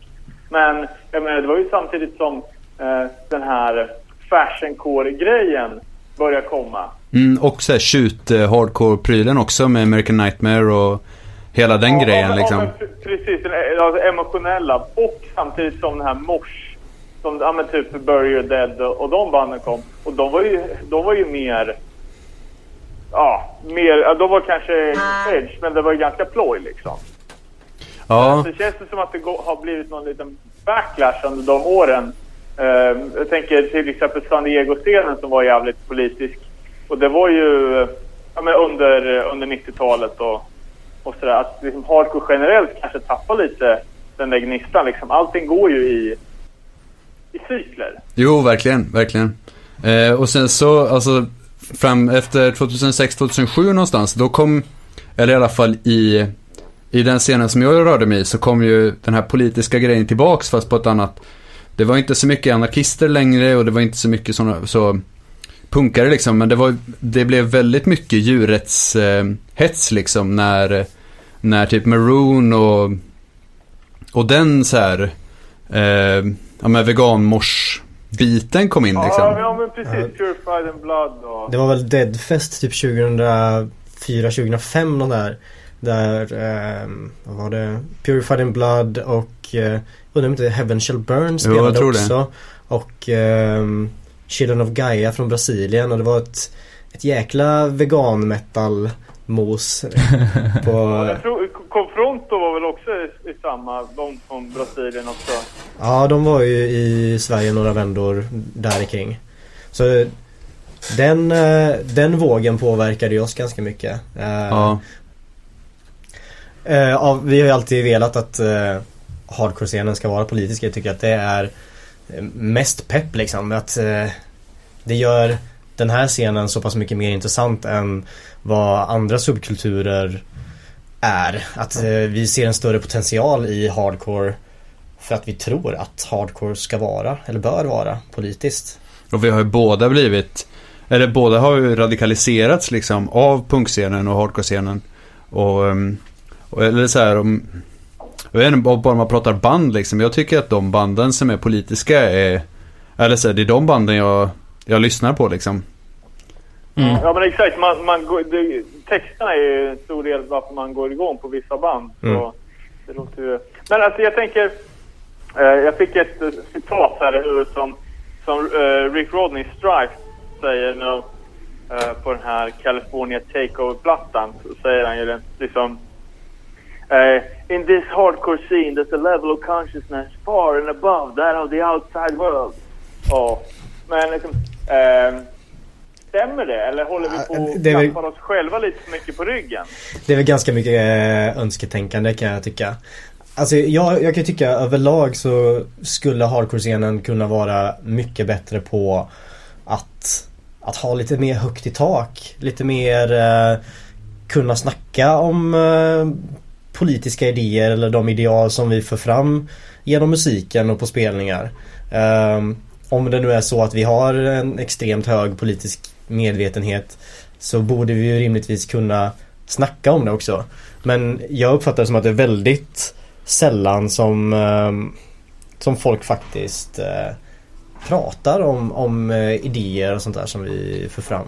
Jag skulle vilja, jag skulle vilja säga att, ehm, att eh, det finns en ganska hög, eller så här, det finns ju någon sorts konsensus om att så här, vi är politiska liksom och det är en politisk scen och att folk har någon sorts politisk medvetenhet och en, en idé om att hardcore-scenen ska vara politisk. Men det finns väldigt få politiska, eller det, jo men det finns väldigt få politiska aktivister jämfört med hur mycket hardcore-kids det finns liksom som har de här idéerna. Mm. Sant. Sen finns det ju också, alltså spannet mellan vilka, vilka, eh, vilka åsikter som är okej är ju väldigt eh, smalt. ja, jo, jo så är det ju. För det, liksom även om man inte håller med varandra så, alltså det bygger ju, att behöva tala för sina argument i en politisk diskussion gör ju bara att man får mer på fötterna. Mm. Men här, här blir det liksom att, eh, man, ja, tycker man inte som alla andra tycker, då håller man tyst med det. Ja, jo. Och det tycker jag också hör ihop med att vi bo, skulle behöva en scen med mer högt i tak så att säga. Att vi faktiskt kan diskutera frågor utan att det blir det här utpekande att någon har sagt någonting som är fel. Alltså att det inte blir så mycket att man slår varandra på fingrarna utan mer faktiskt kan ställa frågan att hur, hur tänkte ni när ni skrev den här låten? Hur tänkte du med det här mellansnacket? Det behöver inte bli liksom att man går direkt på att frysa ut ett band eller en person som man tycker har fel eh, fel åsikter. Men att man eh, om man nu liksom går ut med vad man har för åsikter så måste man kunna argumentera för dem. Mm. Och att vi gör oss själva en ganska stor otjänst och även eh, de som för fram åsikter en otjänst ifall vi låter ogenomtänkta saker komma igenom helt enkelt. För det här är ändå grejer som folk eh, tar till sig som eh, påverkar folk. Jag vet att Alltså vi, vi till exempel har blivit väldigt eh, påverkade av den musik som vi kom i kontakt med på skylten när vi var 16-17 liksom. Jo, verkligen. Men någonting, eller så här, om angående politisk hardcore någonting som jag tycker är, är intressant är nu när, när Linus har börjat avtjäna sitt fängelsestraff nu i måndags. Ehm, hur mycket, hur mycket stöd som han har fått från hardcore-scenen. Och det är mycket för att han känner mycket folk liksom och är en, och är en, en väldigt aktiv person i hardcore-scenen. Men också att det har eh, lite, liksom folk har fått upp ögonen för, för det här med, med jag menar att folk kan hamna i fängelse liksom för sitt eh, politiska engagemang även i Sverige och att, att det påverkar Dels påverkar ju Linus jätte- jättemycket som ska sitta i ja, men ett och ett halvt år och sen så Linus kompisar liksom som inte har Linus nära sig längre. Men sen så också hela scenen är ett av våra, en av våra mest aktiva, eh, vad ska man säga, medlemmar eller eh, deltagare liksom, personer eh, försvinner och blir, ja men tas ifrån oss liksom av, av eh, rättsväsendet.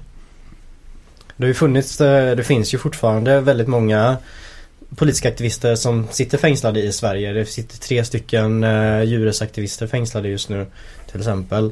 Ehm, och eh, jag kan ju hoppas att fler i hardcore-scenen får upp eh, ögonen för det här med eh, politisk aktivism och repression. Att det faktiskt eh, förekommer att folk som jobbar politiskt och ehm, tar risker för att eh, göra det de tycker är rätt och riktigt faktiskt också kan eh, hamna i finkan. Och om man eh, då säger sig stå för det de står för och vilja stötta dem så eh, tycker jag det hade varit skitfett ifall det här kunde bli en, en punkt där hardcore-scenen inser att det här faktiskt är någonting som finns i verkligheten och ehm, att det blir vanligare att eh, stötta fångar. För det finns hela tiden och det finns eh, ja, ehm, inte alltid i Sverige kanske men det finns alltid någon som sitter någonstans och behöver stöd. Precis. Och det är viktigt, eller så här, det är viktigt när, när folk sitter att de känner att, för isolation är en av de, de viktigaste delarna i, med fängelset liksom, att man tar ut någon från, från sitt sammanhang liksom och sätter den på ett helt annat ställe och, och tar bort den från det, från det sammanhang som du lever i. Men det är viktigt att, att känna att man har kvar det, det stödet och de vännerna som man hade när man åkte in Eh, så en bra grej är att bara skriva till, till folk som sitter och det finns eh, olika fångstödgrupper runt om i Sverige och det finns eh, hemsidor och så där man kan hitta adresser till. Mm. Om man vill skriva till djurrättsaktivister till exempel finns det ju en hemsida som heter Biteback. Eh, där de listar alla, eh, alla djurrättsaktivister som de känner till som eh, sitter i fängelse just nu. Så det är ett väldigt lätt sätt att eh, göra någonting eh, ifall man nu vill stötta de människor som är ute och eh, gör grejer. Mm, precis. det- Och det är ju, eller så här med när vi växte upp i Linköping fanns det mycket nazister och jag är väldigt tacksam gentemot den antifascistiska rörelsen. Framförallt nu när jag bor i Göteborg där det inte finns någon organiserad naziströrelse kvar för att eh, AFA och RF helt enkelt krossade naziströrelsen i mitten på 2000-talet. Eller ja, mellan 2005 och 2010. Så nu slipper jag oroa mig när jag är på stan och jag slipper oroa mig när jag är på spelningar att det ska komma någon och försöka misshandla mig på vägen dit eller på vägen därifrån liksom. Så det är ju, det är ju folk som tar risker för att alla vi som håller på med det här och alla vi som är, som är någon sorts måltavla för nazisterna liksom, att vi ska kunna leva trygga liv. Och då är det, då är det inte mer än rätt att vi stöttar dem när, de, när de åker in liksom. Det är väldigt lätt för... eh, Precis, och ja. det har ju varit, alltså det är ju många ställen där vi, eh, vi hade ju stora problem med, med nazister eh, i vår närmiljö men även på spelningar i Örebro. Och det finns ju, eh, jag tänker närmast på Fagersta Norberg, det var ett eh, jätteproblem. Det var liksom, ja, typ på, på liv eller död liksom dagligen. Ja, Eh, Augustibuller också såg man ju en hel del. Eh, ja, ja, ja, men precis. Men det var ju faktiskt ganska länge sedan man, man behövde oroa sig på spelningar. Men eh, det, det är ju också beroende på att folk har riskerat sin egen säkerhet och frihet för eh, Mm. Det är ingenting som kommer gratis liksom. Det är, det är väldigt lätt för eh, liberala debattörer att skriva en massa skit om eh, antifascister eh, som eh, går ut och som i deras ögon då begår brott eller brukar våld för att eh, mota bort nazister. Det är väldigt lätt att skriva sådana krönikor i stora tidningar ifall man aldrig själv har varit måltavla för nazister eller känt sig hotad för att man eh, ser ut som en röing eller som man kommer eh, från någon annanstans ifrån eller har ett annorlunda könsuttryck eller sexualitet men ehm, det är en verklighet för, för många och, och för oss i, när vi växte upp i Linköping så var det definitivt vissa områden som man visste att eh, här får man fan passa sig liksom. Så ehm, och har man upplevt den verkligheten så vet man att antifascism handlar om eh, självförsvar och det är någonting som, som vi ska vara tacksamma för att det finns de som, som jobbar med det. Och Linus har ju alltid varit väldigt öppen med, med det här liksom att han faktiskt hade ett annalkande fängelsestraff. Men det finns ju många där ute som, som kanske inte har skjutat så mycket med det här liksom.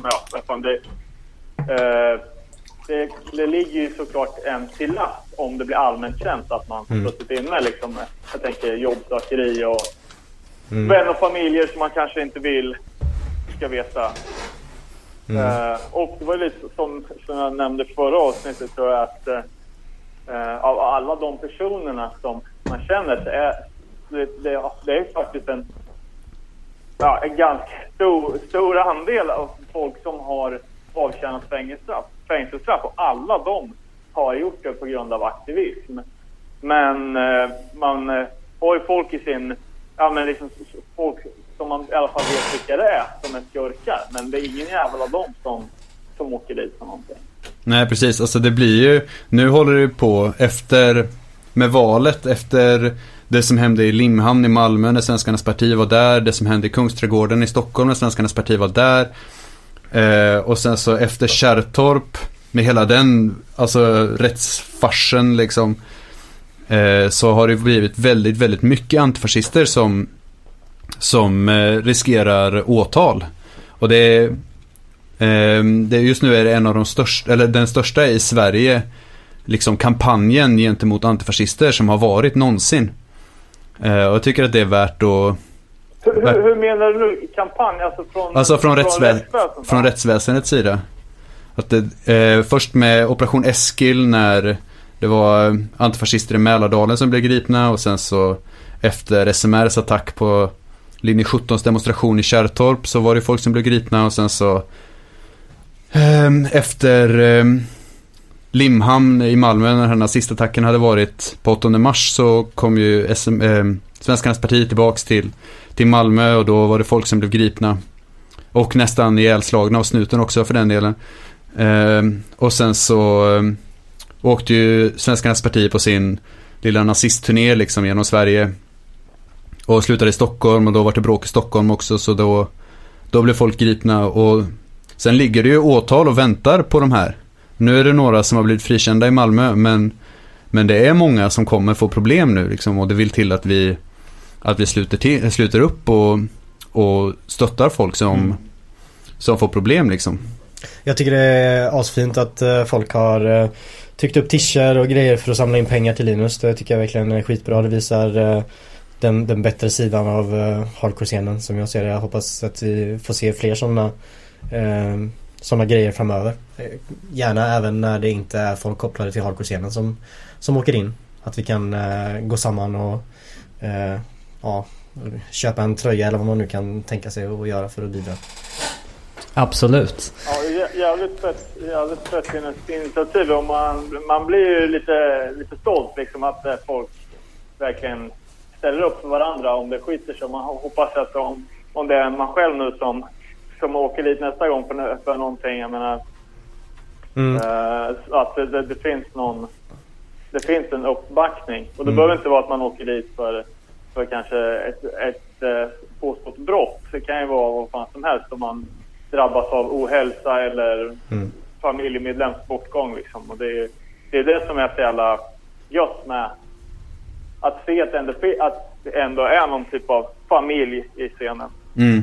Jo, precis. Det är ju, ja, det är, det är tider som nu som, som det känns, ja men, som, ja men som du säger, som man blir stolt över det. Jag tycker det är, ja det, det är gött är det. Um, ja, vi, vi ska ju komma in lite på uh, de, de akt... Får jag bara dra en liten kul anekdot uh, om fascister på spelningar? Eller jag har egentligen två. Ja, kör. Eh, eh, uh, först, jag kommer inte ihåg, det var länge sedan i alla fall när eh, Ante från Better Price satte upp Business och Murphys låg på fritidsgården i Norberg. Eh, och jag vet inte, Ante är fem år yngre än vad jag, vad jag är och jag kanske var typ 18 så det var, vi var ju gäng kids liksom. Eh, men då var det ju liksom White Power-tröjor i publiken. Och då var man ju skitskraj liksom. Sen var det någon snubbe som tappade en kniv i pitten där. Så mm. ja, det, fan, det, det, var ju kanske en ögonöppnare på att fan, äh, det, det, ser olika ut på olika ställen. Mm, verkligen. Men sen så började jag få lite, lite påhälsning på spelningar och utanför spelställen i Örebro. Och mycket då för att de som bokade då var, ja men det var väl som politiskt folk. Mm. Eh, Uh, och då hade det ju, var ju Grusfestivalen efter en årligt återkommande grej. Uh, I alla fall, men då hade vi något tips om att det skulle komma nazis och som de hade sagt att ja, nassarna skulle komma och snacka lite rödingar typ. Uh, men folk hade ju bunkrat upp med, med, med symbolstativ och basebollträn och allting. Och så gick vi ut, alltså jag vet inte om det var 100 pers plus i alla fall från den där eh, spellokalen. Och eh, vi liksom bara kom kutande runt gathörnet 100 pers med tillhyggen och bara vråla. De här stackars typ sex packade jävla mipparna liksom, som, som trodde att de skulle komma och vara coola liksom. Det, det var jävla, jävla roligt. Det var en spelning för ett gäng år sedan som Brightside satt upp i Linköping, i Göteborg. Eh, det var innan jag bodde där, men då jag tror det var Ad Arma och det kan ha varit Confronto också. Det var i alla fall... Lite Gather. Nej, det var en annan. Skitsamma, det var en stödspelning för någonting och då så hade Göteborgs fria nationalister sagt att de skulle komma dit och... Eller de hade ringt och hotat spelningen i alla fall. Göteborgs fria nationalister. Ja, jag vet. Det, ja. Oh, det är ett helt kapitel bara. Det är nazist-såpopera. Men skitsamma. Eh, Men då så hade arrangörerna i alla fall kontaktat eh, AFA Göteborg och varit så här, ja vi, kan ni komma och hjälpa oss liksom, för vi, vi tycker det här är obehagligt.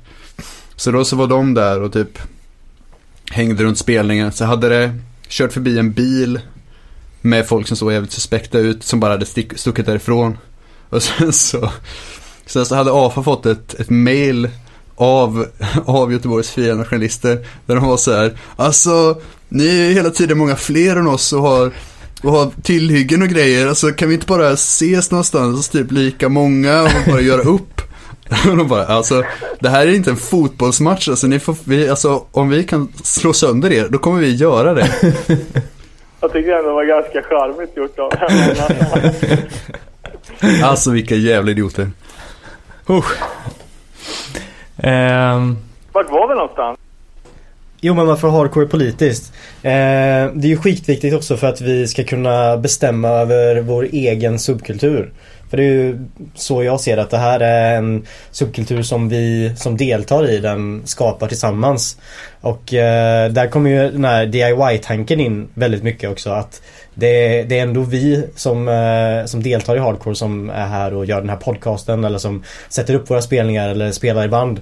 Och eh, att vi håller liksom andra aktörer utanför. Att vi inte låter oss tystas av till exempel vad våra sponsorer tycker eller att eh, ifall vi känner att ja, men vi behöver organisera oss antifascistiskt för att vi är hotade eh, av eh, fascister på den här spelningen. Då kan vi göra Eh, det. fan, eh, en, en sak när du sa våra sponsorer. Vi har ju hade en liten affär på vår Facebook-sida inför det här avsnittet som är sponsrat av eh.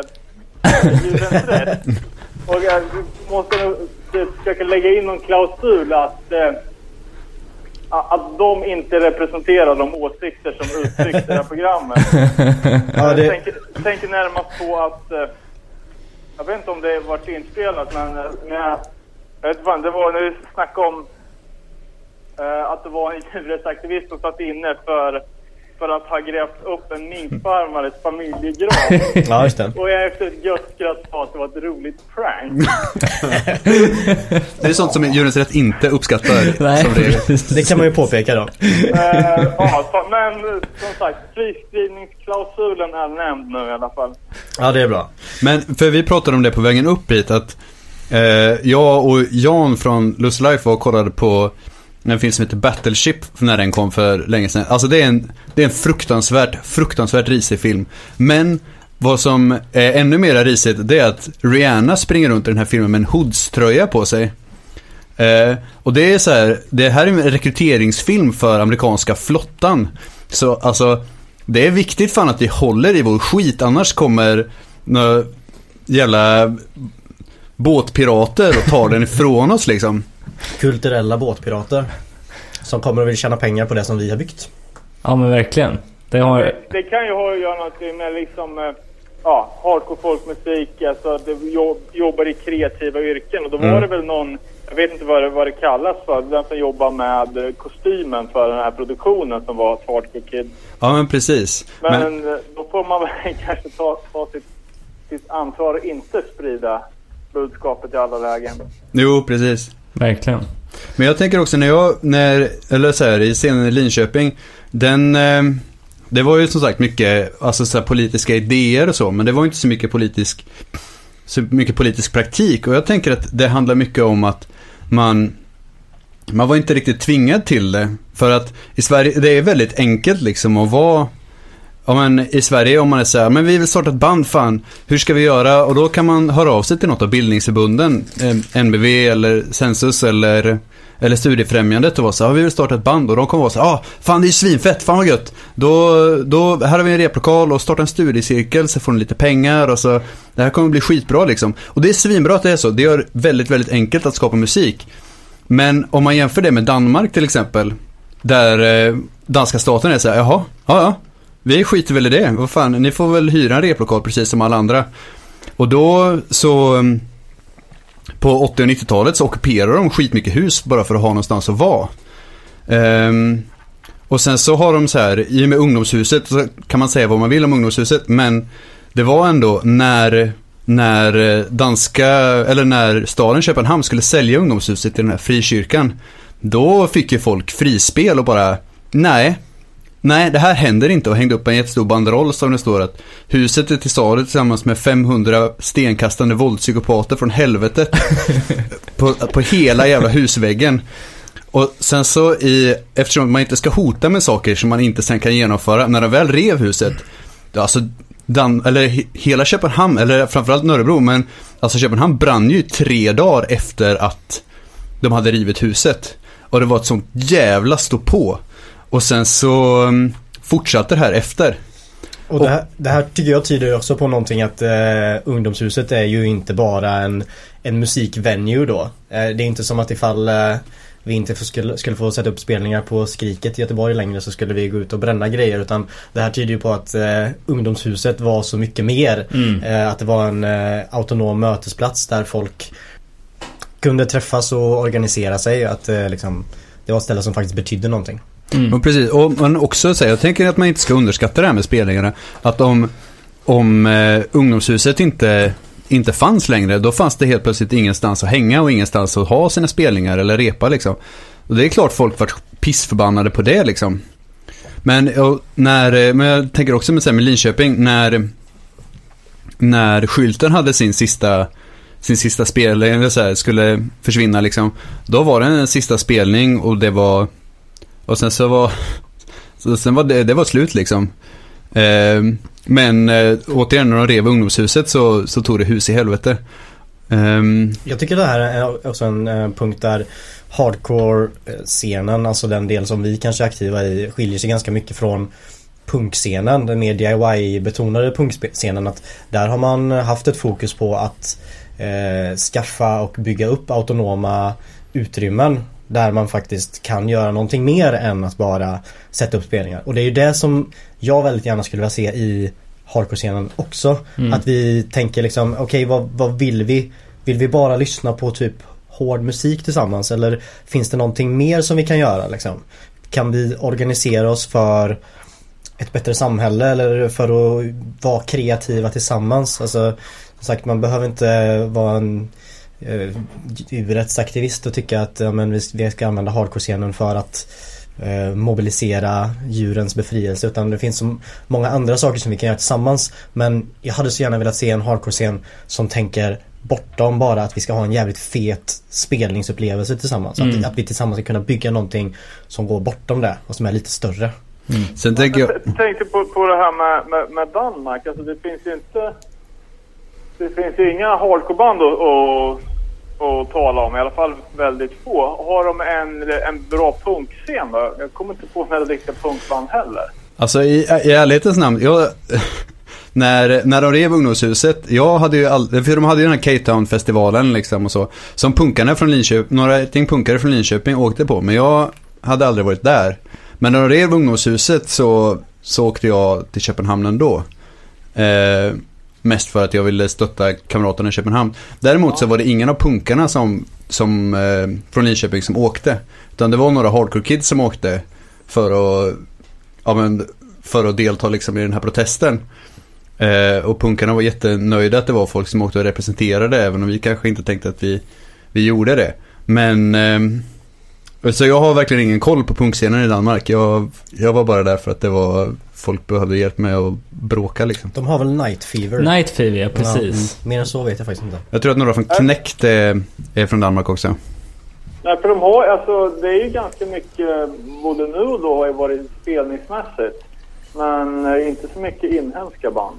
Det kan ju också vara för, för att eh, Danmark, att det ligger bra till geografiskt. Mm. Eh, men ja, jag bara, var väl bara lite nyfiken. Ja, jag, jag har väldigt dålig koll på den danska punkscenen. Men eh, jag vet vad som hände kring eller efter att de rev ungdomshuset. Men Eh, jag är ju rädd att jag skulle, om jag hade varit på, på K-Town någon gång, att jag skulle stått och kastat konfetti på polisen liksom för att eh, jag tänker att jag hade blivit så ilsken på att folk bara söp och svinade som det Mm. verkar ha, ha varit.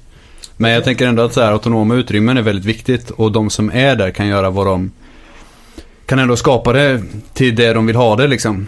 Så om vi skulle kunna få tag, eller om vi i hardcore-scenen skulle kunna, eller straight edge-scenen skulle kunna ha autonoma utrymmen i, här i Sverige så hade vi kunnat göra jävligt feta, bra och nyktra mötesplatser av det.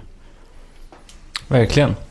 Ehm, jag funderar på om vi ska gå in på eh, ett av de här huvudämnena som jag tänkte snacka om, nämligen en, en del av världen där ni har varit ganska engagerade, nämligen Grekland. Ni har väl varit där båda två ett par gånger. Du Tor har varit där och fotat demonstrationerna som har varit bland annat och så. Ehm, och jag tänkte väl eh, mest att eh, vi kunde börja med att prata lite om Greklands Ja, vad, är det, vad är det som har hänt i Grekland de senaste 5-10 åren och vad finns det för historiska kopplingar i det här landet till fascismen? Alltså Grekland eh, slogs ju till väldigt, väldigt, väldigt hårt av krisen.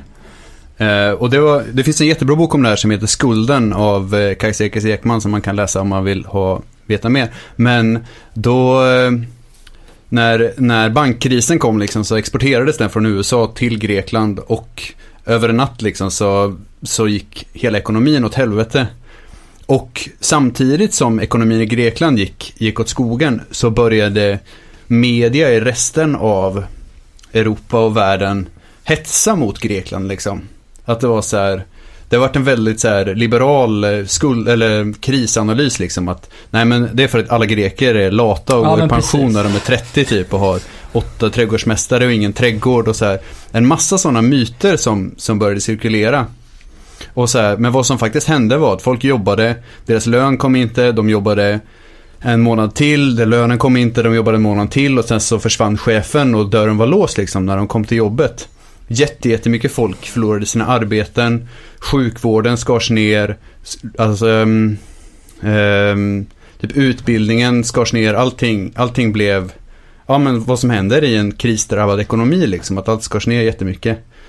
Um, samtidigt som um, de här, alltså Grekland har ju en, en historia av fascistdiktatur fram till, fram till 70-talet. Så när um, krisen slog till så, så var det ganska många som det tappade tron liksom på det, det sittande politiska etablissemanget liksom som Men vad, vad, vad hade Grekland för eh, politisk färg fram ja, men till ja, 80-90-tal och så här då? Ja, det var en vanlig så här demokratisk kapitalism typ.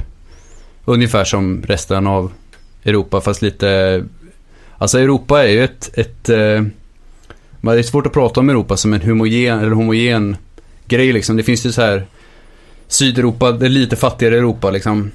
Eh, och sen så det riktiga Europa som är typ Fr- Frankrike, Tyskland. Det som verkligen, verkligen räknas och sen så är så här Sverige som någon sorts så här, låtsas, låtsas socialist-Europa typ. Nej, men eh, Grekland hade ju väldigt mycket eh, efter diktaturen väldigt mycket med turismen att göra liksom.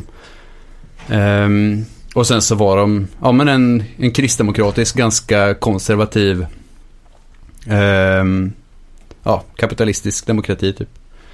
Eh, men ehm, då var det många som sökte sig till eh, tillbaka till fascismen för att det här nazistpartiet, Gyllene Gryning var, de var duktiga på att rekrytera och duktiga på att, och göra grejer liksom. Så när jag åkte till Grekland första gången 2013 så var det då var det illa liksom. Då, det var precis innan Pavlos Fysas blev mördad och det var nazistattacker ganska, eller så här, mer eller mindre hela tiden liksom. Eh, och sen så hade poli, den grekiska polisen också hade väldigt, väldigt stark koppling till det här. De gjorde en, en mätning eh, på en, eh, en vallokal där, som ligger nära polisstationen, där alla poliserna gick och röstade. Och då var det 50% av dem som röstade på nazistpartiet. Ehm, så då så fick jag kontakt med anarkister i Grekland som jag åkte och hängde med.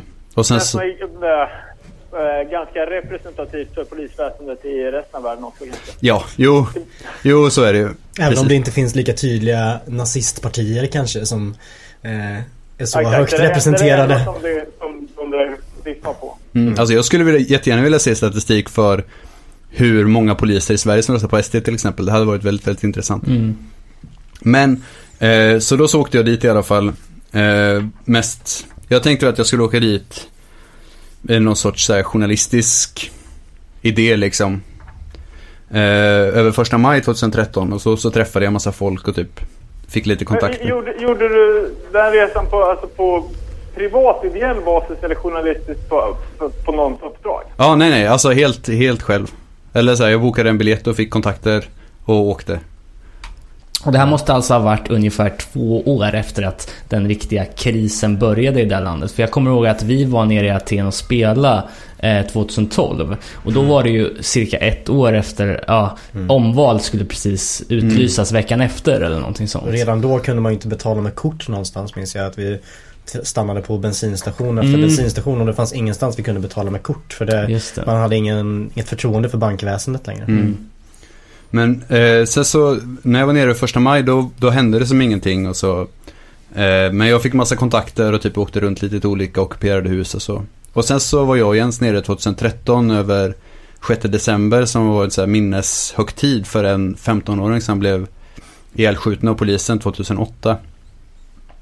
Ehm, då så gjorde vi lite intervjuer och så och sen så eh, gick vi på de här demonstrationerna och det, det var helt, helt jävla sjukt. Det bara small hela tiden och brann överallt och Det jag tycker är mest intressant med den grekiska anarkismen är ju att de, de eh, har ju fått deala med det här eh, historiska bagaget med fascismen och en eh, statsapparat som eh, inte riktigt liknar den, det socialdemokratiska myset som vi har här i Europa. Så som vi pratade om tidigare det här eh, att om vi vill starta upp någonting här så kan vi bara gå till studieförbund eller sådär och, och, och folk gillar att ungdomar styr upp grejer och den traditionen finns ju inte överhuvudtaget i Grekland utan de anarkister som vi träffade när vi var där nere de var ju väldigt praktiskt inriktade. Alltså här i Sverige så kanske man sitter och snackar om anarkism och självorganisering men där, in, där så var det ju verkligen viktigt att eh, skapa sina egna utrymmen, att eh, sköta om sin egen sjukvård och, och liksom organisera ett, ett samhälle i samhället för att man kan inte förlita sig på det, det vanliga samhället. Det, det liksom håller på att helt bryta samman. Mm. Precis, jag ska åka ner nu i juni igen och titta närmare på de här eh, eh, anarkistiska vårdcentralerna som håller på att byggas upp lite överallt för att det inte helt enkelt inte finns någon, någon ordentlig sjukvård längre. Men hur stor är den anarkistiska rörelsen, alltså om vi snackar procent?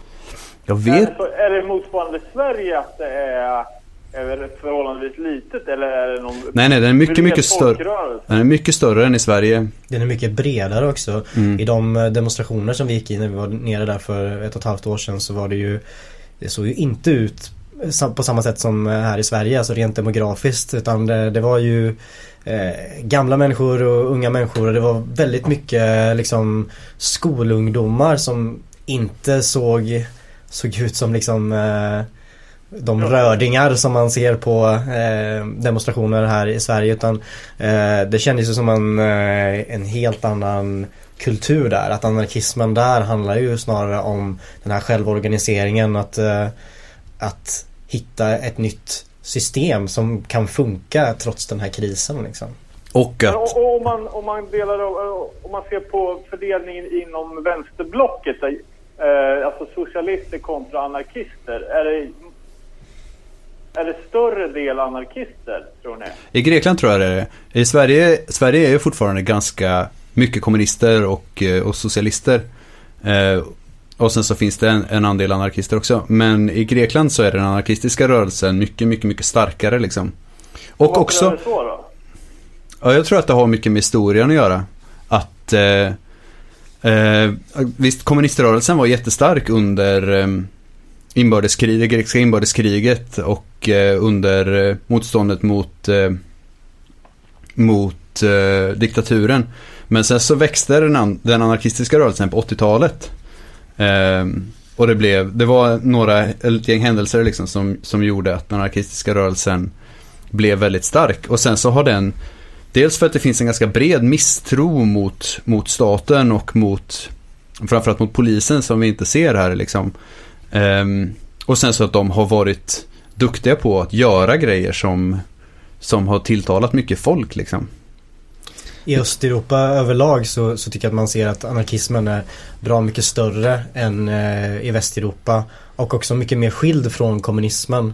Att eh, där man har en historia i Sovjet så finns det en helt annan inställning till, till anarkism.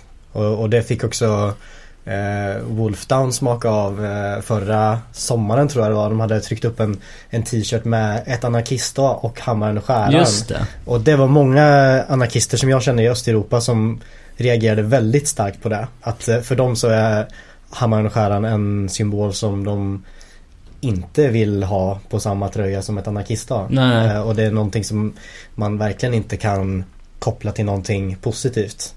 Medan här i Sverige så har vi kanske en lite mer distanserad syn på det där och kan tycka att ja men eh, anarkism är också en slags kommunism. Det är Men, ungefär och samma. också att i Sverige så har det funnits en autonom kommuniströrelse som Mm. är mycket mer lik den anarkistiska rörelsen än den här statskommunismen som man, som man eh, förknippar med, med Sovjet till exempel.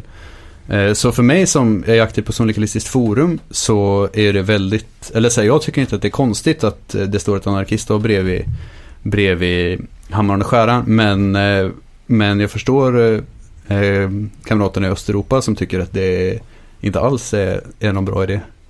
Men för att gå tillbaks till Grekland lite. Hur Fick ni någon kontakt med den grekiska hardcore-scenen när ni var där inne? Eller finns det några kopplingar till den i förhållande till den anarkistiska rörelsen där? Eller? Alltså jag tror att jag har träffat typ 70% av Aten Vegan Straight Edge. Och det är typ fyra pers. eh, så punkscenen i, eh, i Aten är väldigt, är, är mycket, mycket, mycket större. Men de är också ganska så här, vad, jag vet inte, någon blandning mellan typ bajspunk och krustpunk liksom. Jag satt på ett, ett, ett torg i Aten som heter, eh, eller ett torg på ett område, i ett område i Aten som heter Exarchia där, där väldigt mycket av den, den eh, anarkistiska autonoma rörelsen, det är liksom deras centrum eller vad man ska säga. Eh, och eh, försökte kolla eh, ration mellan punktröjor och hardcore-tröjor. Och jag tror jag såg någon med en Judge-tröja på de fyra dagarna eller någonting som vi var där första, första vändan. Så det är en väldigt, en väldigt mycket starkare punkscen. Men vi hängde mest med, de som vi hängde mest med var ju anarkister. De hade mer med sig hiphop, hiphop-scenen att göra. Men det kanske är för att de eh, kontakter som jag hade med från Sverige också mest hade med, kom från hiphop-scenen musikaliskt men framförallt var en anarkiströrelse liksom. Mm. Men och sen så jag, sen jag kom hem så har jag börjat tycka att det är mycket, det är mycket vikt, eller så här, det är viktigt att, att solidariteten med, eller den internationella solidariteten, att den är praktisk. Att det inte är så här, jag tycker inte att det spelar så stor roll om vi hänger upp en banderoll någonstans där det står att man ska frige de politiska fångarna eller stötta hungerstrejken eller så i, hos kamraterna i Grekland. Men eh, utan att det är mycket viktigare att faktiskt se till att hjälpa den rörelsen praktiskt. Och Så- då, så du menar att man kan inte för, förändra världen genom att likea något på Facebook? Men eh, att... ehm, så nu så håller vi på med en insamling till ett, eh, ett antifascistiskt center som heter Distomo som ligger i, ehm, i ett område i Aten som eh, Gyllene Gryning hade tagit som sitt liksom. Att så här, det här är, det här är vårt ställe eh, och det var jävligt, eh, ja det var jävligt illa att vara där om man inte var, om man inte var vit grek liksom. Eller. Eh. Ja, precis. Men då så, till exempel de stängde, Gyllene Gryning kom dit och stängde ner en, en lekplats för att det var, för att det var ehm, eh, invandrarbarn som lekte där till exempel och de har haft så här, det har varit skitmycket attacker i det området och så. Och då så, stänger ner alltså... eh, nej men de sa att ingen får vara här. De gick dit och var så här, ja men om ni kommer hit så slår vi ihjäl er.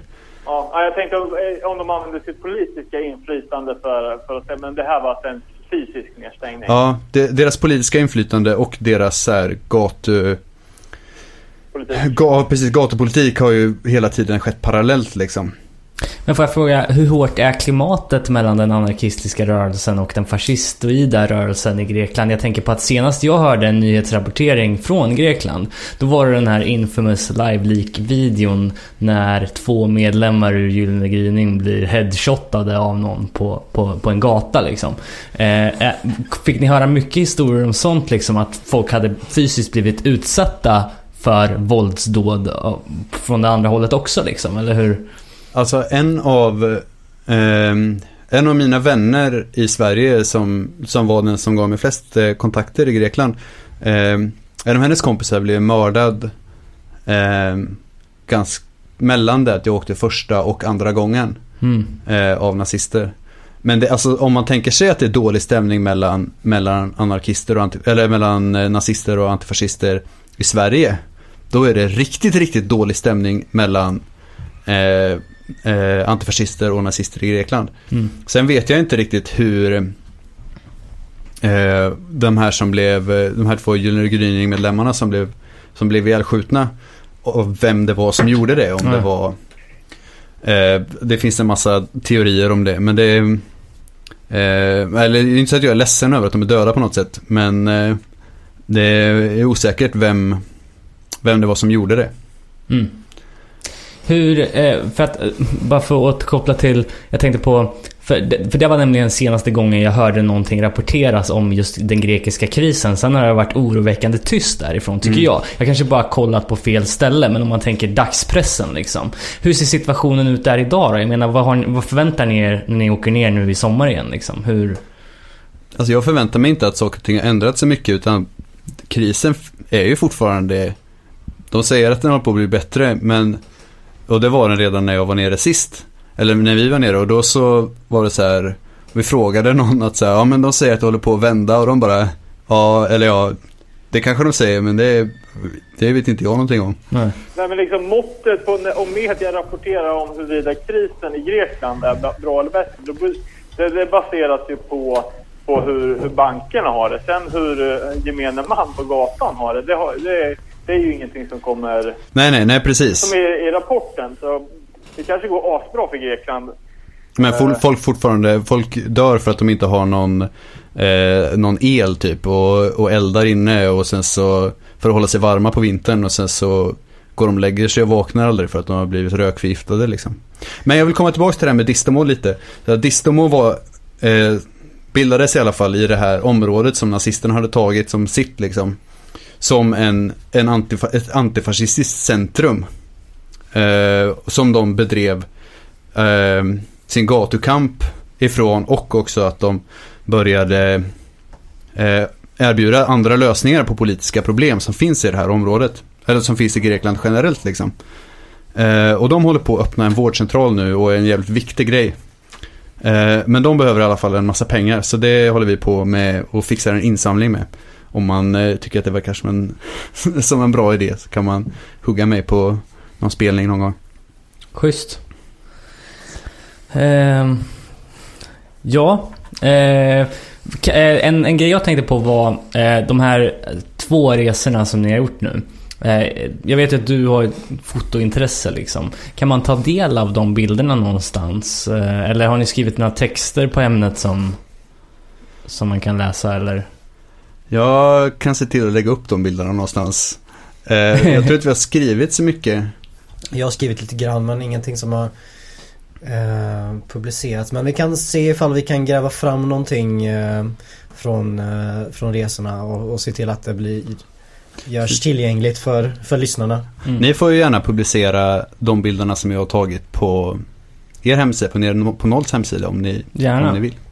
Schysst. Ehm, avslutningsvis. Alltså, vi, eh, vi hade ju besök från grekiskt band i Örebro och lite andra ställen. My Turn, är det något du känner till? Ja, Mm. jo men jag träffade dem när jag var... Det var, det var de som Ja, firade. precis. Det är de och sen så en kille till är typ eh, Aten Vegan Straight Edge. Schysst. Eh, och där kan man ju, de spelar ju här i Örebro på ett eh, ungdomshus som heter Tegelbruket som är jävligt stort. Det innefattar ju alltså, ja men du vet såhär BMX-hall, baskethall, gym, bibliotek, rubbet. Mm. Och som, ja, helt nybyggt liksom. Eh, och de vart ju alltså helt jävla chockade och se bara, och så, är liksom, det här är, det här är gratis. Det är, vet, vad, hur, hur, hur, kan ni, hur kan det finnas såna här grejer i, i Sverige liksom? Det var sån jävla kontrast. Ja, jo. Men det, det är ju så, eller så här. Så är det, Sverige är väldigt speciellt på det sättet liksom. Jag, jag kommer ihåg eh, Deadfest 2007-2008 där när, när band kom från England bara liksom. Honor Among Thieves till exempel. Som hade, de spelade i två set någon festival så här. Både fredagen och lördagen. Men båda de var bara så här. Åh det här stället är så jävla coolt. Och det var skylten då liksom. Mm. Um, Ja, det räcker ju att liksom komma ner till Danmark, Tyskland och sådär om man eh, ute på turné så ser man ju att det är helt andra venues mm. som gäller. Så vi är ju lite bortskämda här i Sverige. Eh, helt klart med eh, möjligheterna att göra grejer. Och det, Men man ska ju också komma ihåg att eh, liksom att eh, borgarregeringen har ju varit väldigt duktiga med att demontera alla Mm. ja, fritidsgårdar och ungdomsverksamheter så att eh, ehm, ja, Ja, verkligen. Snart, snart så sitter vi, sitter vi där med dansk standard liksom. Man får, får man ockupera sitt fritids. Ja men precis, det är bara att kolla på um, tändsticksområdet i Jönköping liksom. Eh, hur Kulturhuset och eh, Bokcaféet och de håller på, eller att kommunen jobbar jävligt hårt på att slänga ut dem därifrån. det kan ju vara viktigt att ta med sig att vi hela tiden liksom är en sur kommunpolitiker ifrån och står där utan något utrymme och utan alla de här privilegierna som vi har. Eh, Ja men liksom den här den kommunala musikskolan som har liksom fan skapat liksom, ja, men, typ alltså, det svenska metalundret och Mm. liksom stor del till att, att svensk hardcore var störst, eller näst störst i världen på, på 90-talet liksom. Det hade, Mm. inte, hade inte kunnat inträffat om det inte hade varit så att det, att det var så jävla lättillgängligt. Nej precis, alltså verkligen. Det är, ju- alltså musikexport från Sverige är ju, eller musik är en av Sveriges största exporter liksom. Eh, tillsammans med vapen och, och, eh, Andra och goa grejer. Precis, och järn. Men, ehm, men, och det bygger ju på att det bygger ju helt och hållet på att det, att det har funnits en, en tanke om att man ska kunna spela liksom. Och det är ju jättefint men, men det betyder ju också att eh, vår scen existerar lite på politikens nåder liksom. Att eh, hade vi haft eh, borgerliga- borgarregering i fyra år till så kanske vi hade kunnat kyssa de eh, möjligheterna hejdå liksom.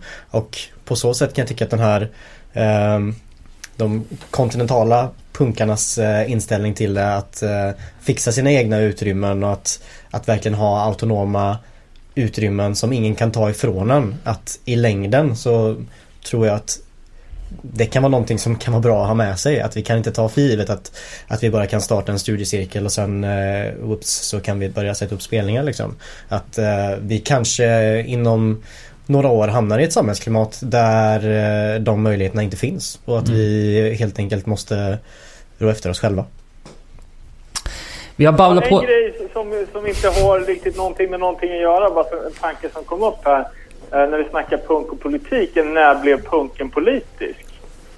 Jag läste, jag läste för några dagar sedan att eh, det- och det här har inte heller så mycket med, med den politiken som, som vi är intresserade av att göra. Men att Sex Pistols var, var eh, fick pengar från KGB. Ja, jag läste den också. Det var ju svin... Ja. Eh, alltså, vad, vad var det om? att Sex Pistols fick pengar från KGB för att kunna existera som band och därigenom eh, alltså destabilisera hela, hela Västeuropa. Alltså det är, det är en sån jävla så här kalla kriget. Det låter så exakt. Det var- Det var hittepå. ju en rysk, rysk eh, eh, KGB-officer som hade gått ut i någon rysk talkshow och eh, lagt korten på bordet. Tyvärr var det här en fake, fake nyhet men det var jävligt Ja, ja, det, ja precis. Det lät, det lät eh, lite för... Lite för kul för oss. Eh, Nej men jag, jag tänker med typ som eh, liksom eh, om vi snackar remote var ju inte politiska Sex Pistols och hela den första alltså. Jag tänker typ Engelska Crass. rörelsen var ju, de var ju anarkister mm, till symbolen men de praktiserar ju inte direkt någon politik. Nej, precis. Jag tänker att Crass var en av de... Alltså var ett, ett startskott liksom. Ja, jo. Ebba Grön var ju ändå ganska politiska även om eh, jag menar, de var inte så gamla, de kanske inte hade världens mest djuplodande analys men eh, de var ändå Men när kickade de igång då? 80... Va? Jag var inte det 77? Nej, 79. 79. Är, när är den här röda skivan som alla har ifrån? Är den från, är det... Ja, inte 80 till 82. Jo, jag tror det. Okej. Okay. Men sen eh, kom ju eh, jag menar, moderat likvidation och eh, Anticimex, Mob 47, alltså hela den vågen med de första jo, svenska hardcorebanden. Det, det är väl ändå typ 80 blankt va? Ja, mm. 80, 81, 82 däromkring eh, eh, föreställer mig att de dök upp. Men Crash det är ju i alla fall 70-tal. Ja. Ja, jag skulle, jag skulle säga Crash men jag har dålig koll på just det här så ja, ingen får ta ja, mig på orden. Jag, jag har inga bra inga, bra, inga bättre gissningar, men vi får ta och knista lite där till kommande. Ja. Uh, ursäkta avbrottet, tillbaka till ämnet. Ja, nej, men jag tänkte mest att vi har ju babblat på ganska bra här nu. Jag skulle kunna köra en stänkare med typ Crash. Ska vi ta en liten paus?